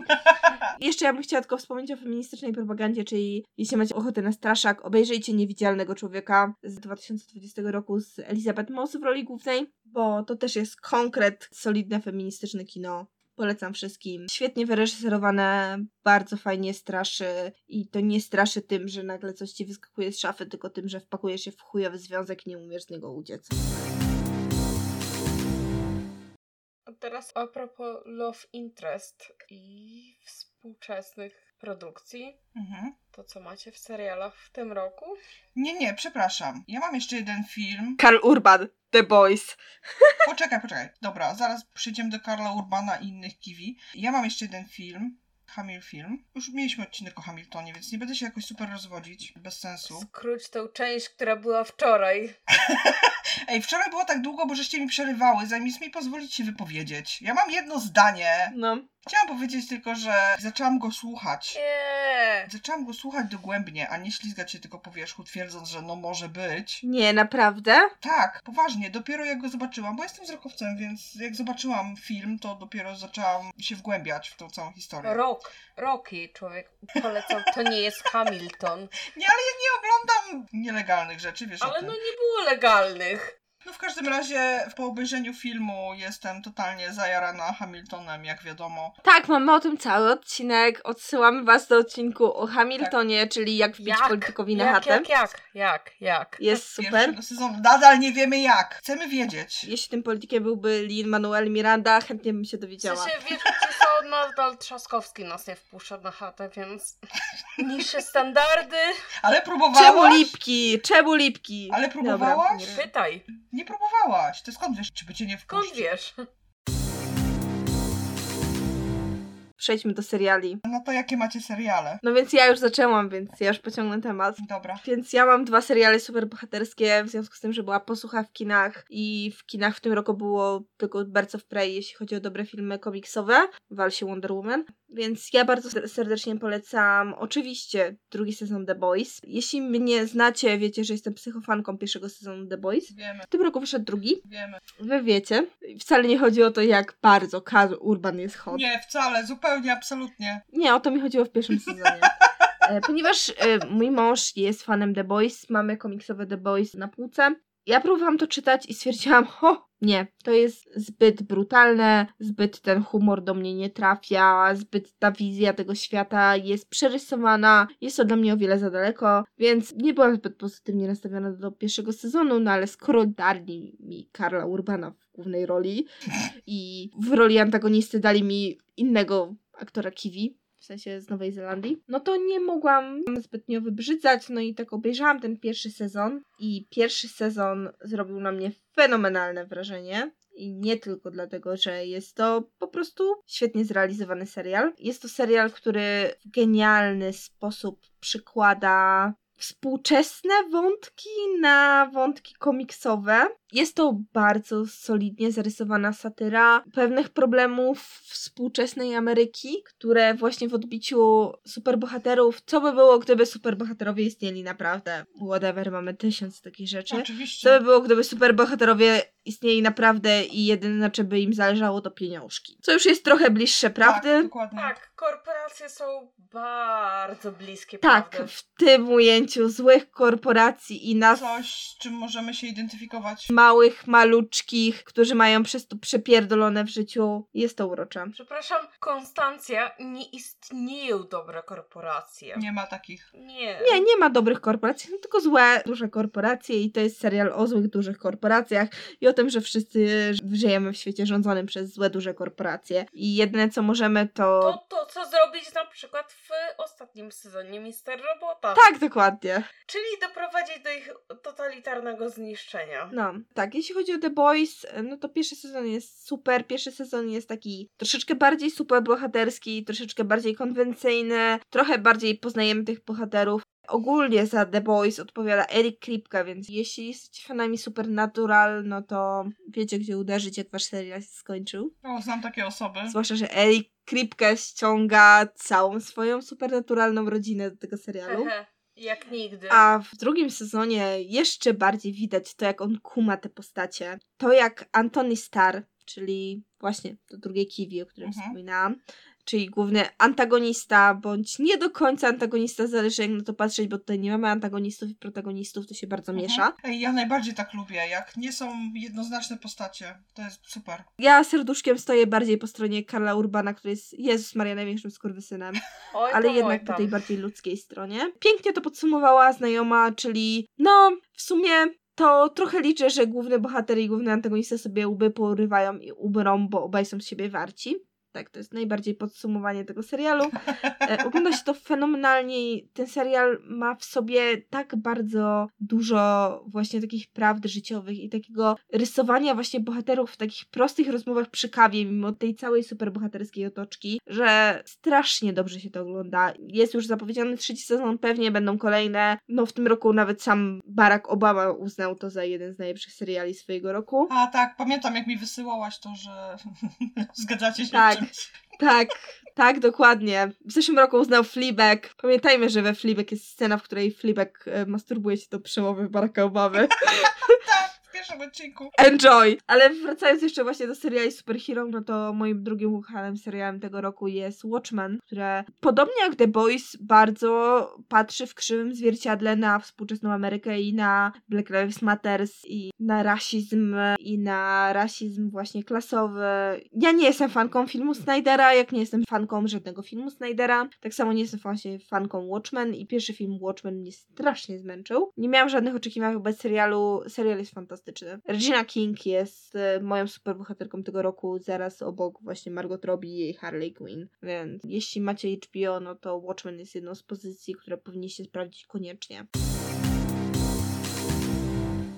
Ja w tym roku miałam kilka seriali. Więcej oglądałam seriali niż filmów. Trzy wybiły mi się na taki pierwszy plan. Jeden to jest serial, który oglądałam teraz w święta. I to są Bridgertonowie. To jest wsparcie estetyczne po całości. Taki feel good serial. Trochę w konwencji Jane Austen. Dzieje się w XIX wieku w Anglii, głównie w Londynie. I tam grają piękni ludzie w pięknych strojach, w pięknych okolicznościach przyrody. I te kadry są takie piękne, takie dopracowane. I na przykład wszyscy mają dopasowane kolorystycznie stroje. I to jest wszystko dopasowane kolorystycznie do wnętrza, i do kwiatów, i do wszystkiego. To jest tak estetycznie przepiękne, że po prostu aż się chce to oglądać. Generalnie jak ktoś lubi oglądać męskie pośladki, na przykład ja, to polecam. Tam jest bardzo dużo różnych, Męskich pośladków. pięknych, męskich pośladków. Nie, jeśli chodzi o męskie pośladki, no to tak jak już wspomniałam, Karl Urban, ponad wszystko. Hmm. Jak nie ma męskich pośladków, to są męskie klaty. Jak jest smutna scena, to za chwilę wchodzi książę i zdejmuje koszulę. Jezu. Ja nie jestem pewna, czy jestem w stanie do tego stopnia wsparcie estetyczne przeżyć. Ta. tam w ogóle porusza trochę takich wątków też dramatycznych. To nie jest tak, że to jest tylko taki, wiecie, typowo rozrywkowy serial, tak? Oprócz tego ma tam różne takie wątki, które może jak oglądasz, to nie masz takich przemyśleń, ale wyłączasz ten serial i zaczynasz trochę o nim myśleć, albo nawet jak nie myślisz, to cię coś uwiera w głowie, że coś tam było i zaczynasz wtedy się zastanawiać i to jest takie bardzo pokazuje w jaki sposób były traktowane kobiety w tamtych czasach, że nie stanowiły o sobie. Najpierw były własnością swoich rodziców, a właściwie to ojca, a potem były własnością swoich mężów. Jak nie wyszły za mąż, to były pogardzane. I generalnie biorąc pod uwagę to, co się dzieje obecnie w Polsce, to powiem szczerze, no ja miałam sporo przemyśleń związanych z tym serialem.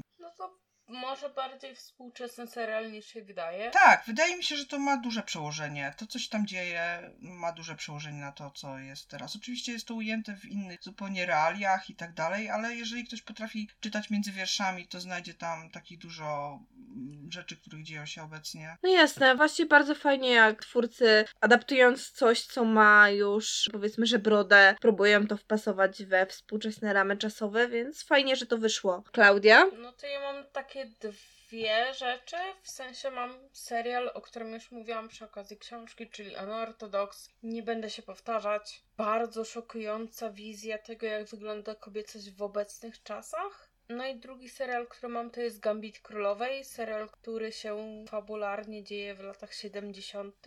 I jest o dziewczynie, która odnosi sukcesy w świadku szachowym, który jest bardzo męsko zdominowany No, wiadomo.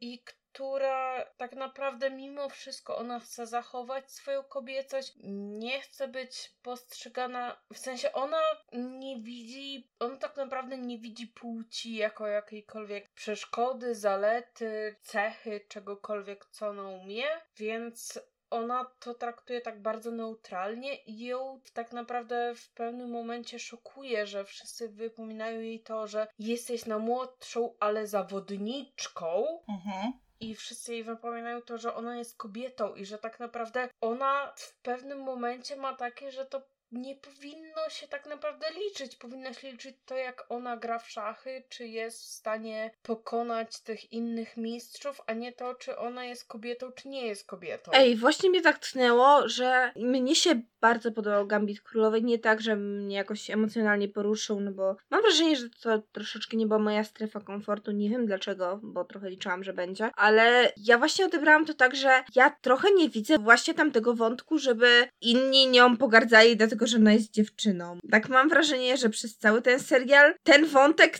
on nie był jakoś tak strasznie istotny, to, że ona jest dziewczyną, tylko to, że ona jest młoda, niedoświadczona, etc., ale nie to, że jest dziewczyną. Mhm. Wiesz co, ale to jest takie pokazanie dysocjacji pomiędzy tym, jak postrzegają coś media i postrzega coś opinia publiczna, a postrzega coś środowisko. W sensie w środowisku nikt nie dbał o to, że ona jest kobietą. Dokładnie. I nikt nie dbał o to, że ona jest super wybitna, a inni faceci są mniej wybitni. Wszyscy dbali o to tylko i wyłącznie, że ona ma talent szachowy, No, a w społeczeństwie, w mediach, w czymś tam wszyscy mieli takie, że no ale ty jesteś młodą kobietą i powinnaś utrzymywać taki, taki status społeczny. Właśnie, może to jest mój problem z tym serialem, że wątek tego, że ona jest dziewczyną w tych czasach, nie był aż tak zarysowany, jak ja bym tego chciała. Nie na to położyli naciski tak naprawdę. Bardziej istotny był jej problemy alkoholowe, jej relacja z matką, jej relacja z kolejnymi mężczyznami, że to było bardziej istotne niż to, że ona jest kobietą w środowisku, w którym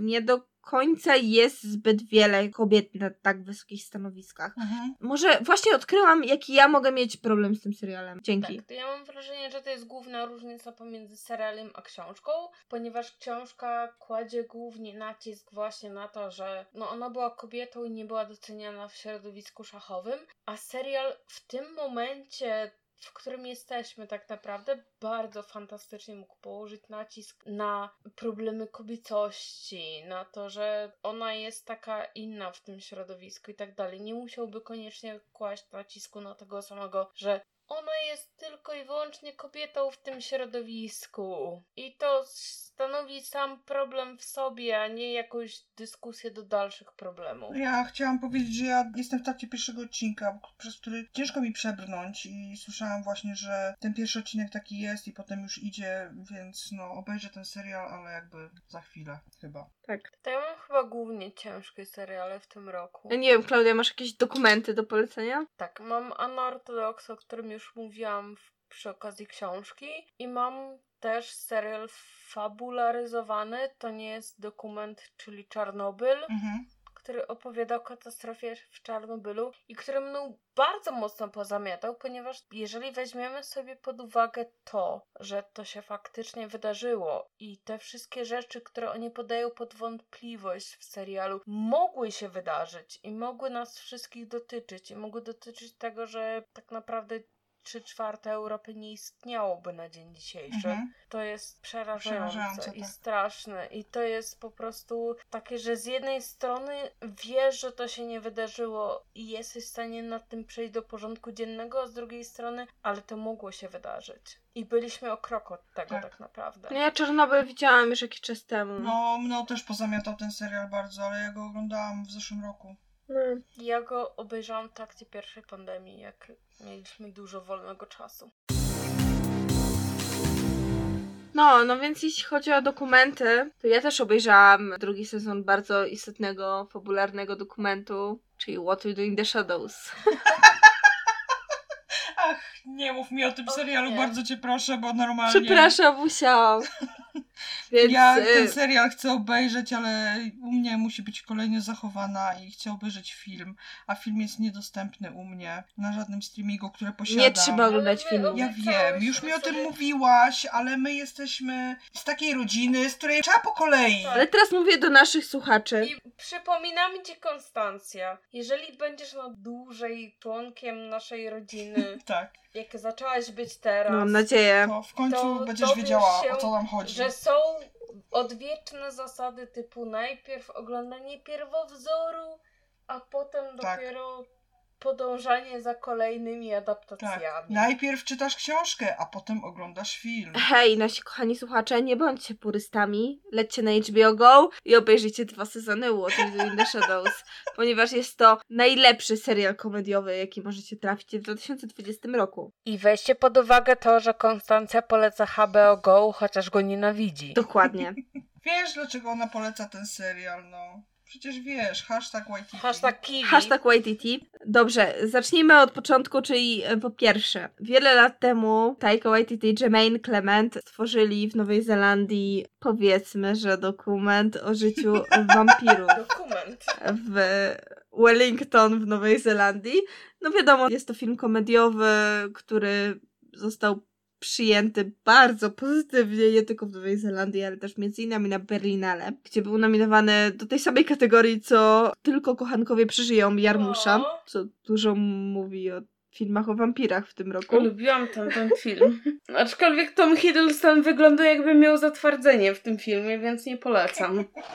Ale Tilda Swinton była fajna. Ale jest tam Tilda Swinton, więc polecam. Polecam. Ten film mi się podobał generalnie. Ale jeśli macie obejrzeć dwie rzeczy, obejrzyjcie What We Do in the Shadows, ponieważ jest przezabawne i jeśli chcecie sprawdzić swoje poczucie humoru, obejrzyjcie What We Do in the Shadows. Jeśli film was rozbawi, koniecznie idźcie oglądać serial. Jeśli nie macie gdzie obejrzeć filmu, ponieważ nigdzie nie ma go legalnie, idźcie na HBO, obejrzyjcie serial. Serial jest dokładnie tym samym poziomem humoru, który dostawaliśmy w filmie, ale ponieważ scenariusza nie pisze Taika Waititi, momentami mam wrażenie, że ten humor jest troszeczkę bardziej przystępny, co dla wielu osób będzie plusem. Dla mnie nie robi to żadnego znaczenia, ponieważ Jermaine Clement idealnie utrzymuje tą abstrakcję, którą dostaliśmy w e, filmie. Jest to serial generalnie paradokumentalny o rodzinie wampirów żyjącej w Nowym Jorku. Rodzinie, rozumiemy, parę wampirów, ich e, kolegę i wampira energetycznego, którzy zamieszkują pod jednym dachem. Wszyscy ludzie w korpo. Szczególnie polecam postać wampira energetycznego. Jest genialnie napisana. To jest totalnie wasz kolega z korpo. Absolutnie polecam. Obejrzyjcie ten serial i nigdy więcej nie spojrzycie tak samo na swoich znajomych z korpo. Jeśli macie HBO, to nie zastanawiajcie się, to może być jedna z najzabawniejszych rzeczy, jakie zobaczycie w życiu. Jeśli zaczniecie oglądać i was nie będzie to bawić, to nigdy więcej nie oglądajcie żadnych filmów od Taiki Waititiego. Just saying. Biorąc pod uwagę, że ludzi bawi nasz poziom humoru. To, to jest reklama czy antyreklama w końcu? Mam nadzieję, że reklama, mam nadzieję, że bawi was ten absurdalny poziom humoru, który bawi nas. Zaufajcie Konstancji. To może. To myślę, że tak. Myślę, że to jest serial dla was. Myślę, że to jest dokładnie ten komediowy serial, którego poszukujecie, żeby wyleczyć rany po 2020. Ja jeszcze mam serial This Is Us, który mną pozamiatał całkowicie. Pozamiatał mną bardzo do tego stopnia, że jestem ciągle w pierwszym sezonie, bo nie jestem w stanie oglądać, e, nie jestem w stanie binge-watchować tego serialu. Muszę sobie robić przerwy i to takie dłuższe pomiędzy odcinkami, bo każdy odcinek kończę szlochając, a zaczynam przeważnie szlochać gdzieś w połowie, więc e, generalnie Teraz oglądałam Bridgertonów, więc miałam dłuższą przerwę od This Is Us, ale zamierzam wrócić zaraz po nowym roku. I to jest serial, który bardzo wpływa na moje emocje, który pokazuje życie rodzinne od takiej zupełnie innej strony niż wszystkie inne seriale, które oglądałam. Naprawdę jeszcze nie wiem, jak jest dalej w dalszych sezonach, natomiast w tym pierwszym sezonie jest to tak pokazane, że ja jeszcze nie widziałam takiego serialu. Nigdy. Klaudia, ty się wypowiedz, bo ty oglądasz dalej. Ten serial podchodzi każdego obserwatora z takim podejściem, że jestem serialem o normalnej amerykańskiej rodzinie,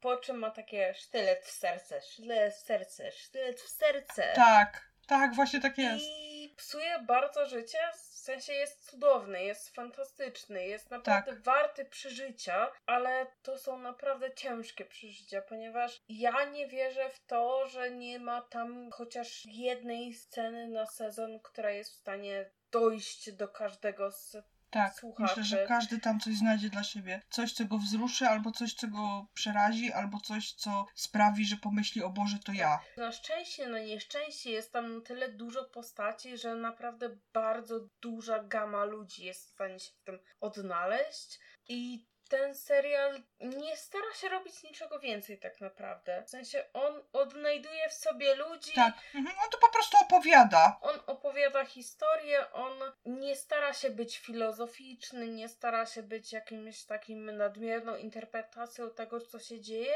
nie stara się nadawać nowych znaczeń, tylko nadaje te znaczenia w obrębie rodziny, w obrębie relacji rodzinnych, w obrębie tego, jak dotyczy to rodziny, a nie jak na przykład wielcy pisarze Ameryki mogliby to postrzegać.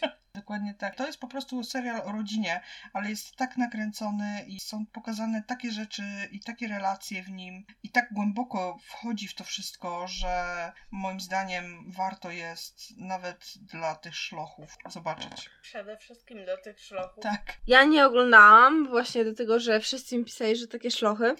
A w 2020 roku nie miałam ochoty szlochać, więc ja obejrzałam serial, który z kolei opowiada o miłości w też bardzo życiowy, dziwny, niekonwencjonalny sposób, czyli Modern Love, które znajdziecie z kolei na Amazon Prime, To który jest na chyba moją Amazonie. This is Us też jest tak, tak. This is Us też jest na Amazonie. Amazon Prime generalnie bardzo spoko idzie właśnie w produkcją miłości. Modern Love jest ekranizacją felietonów New York Timesa. W New York Timesie w jednym dniu, chyba w tygodniu, znajdziecie właśnie taki felieton, który nazywa się Modern Love, w którym zwyczajni ludzie z Nowego Jorku piszą o swoich przeżyciach uczuciowych. I Amazon właśnie podjął się ekranizacji motywów z wybranych opowiadań, czy z wybranych listów do redakcji i jest to antologia, jest to chyba z tego co kojarzę 10 odcinków w tej chwili, w pierwszego sezonu, które mają fenomenalną obsadę. Każdy z tych odcinków opowiada o troszeczkę innej miłości, o troszeczkę innym etapie relacji, bo mamy tam etap pierwszej randki z Tindera, mamy tam etap małżeństwa z wieloletnim stażem, mamy tam etap wieloletniej zagubionej gdzieś tam miłości, która się spotyka po latach i jest to tak cudownie poprowadzone. Oczywiście niektóre odcinki są lepsze, niektóre odcinki są słabsze, ale totalnie polecam ten serial, ponieważ no jeśli jeden odcinek was nie zachwyci, zachwyci was kolejny i znajdziecie zupełnie coś innego właśnie w każdym kolejnym odcinku. Moim ulubionym odcinkiem chyba jest ten z Anne Hathaway, gdzie ona gra bohaterkę, która ma zaburzenia bipolarne. Mhm totalnie się nie utożsamiam, gdzie jednego dnia wychodzi do supermarketu o godzinie 7 rano i czuje się jak gwiazda filmowa, a drugiego dnia nie jest w stanie wyjść z domu, ponieważ ma gorszy dzień. I też z nikim nie rozmawia o swoich zaburzeniach, bo nie była tak wychowana, żeby o tym rozmawiać z kimkolwiek. Jest to taki strasznie poruszający odcinek, ale jest na przykład bardzo sympatyczny odcinek, w którym mamy Andrew Scotta, jego partnera, którzy bardzo chcą mieć dziecko i znajdują sobie surogatkę, która nie jest do końca tą osobą, mhm. której się spodziewali na matkę swojego dziecka, aczkolwiek wynika z tego tak fantastyczna historia. Mamy właśnie odcinek z Tiną Fey i niestety, ale nie pamiętam nazwiska aktora, który gra jej męża, którzy są właśnie małżeństwem z długoletnim stażem i dopiero po wielu latach małżeństwa odkrywają, że tym, co ich trzyma przy sobie jest współzawodnictwo i zaczynają trenować razem tenisa. Więc są to historie, które są tak niesamowicie przyziemne, a jednak ogląda się je po prostu cudownie już pierwszy odcinek tego sezonu, w którym mamy Christine Milioti, czyli matkę z How I Met Your Mother, która ma bardzo dziwną relację z odźwiernym u siebie w budynku, gdzie mamy historię, w którym ona wraca z różnych randek do swojego mieszkania i mamy tego odźwiernego, który otwiera jej drzwi i krytycznym wzrokiem spogląda na jej kolejnych partnerów.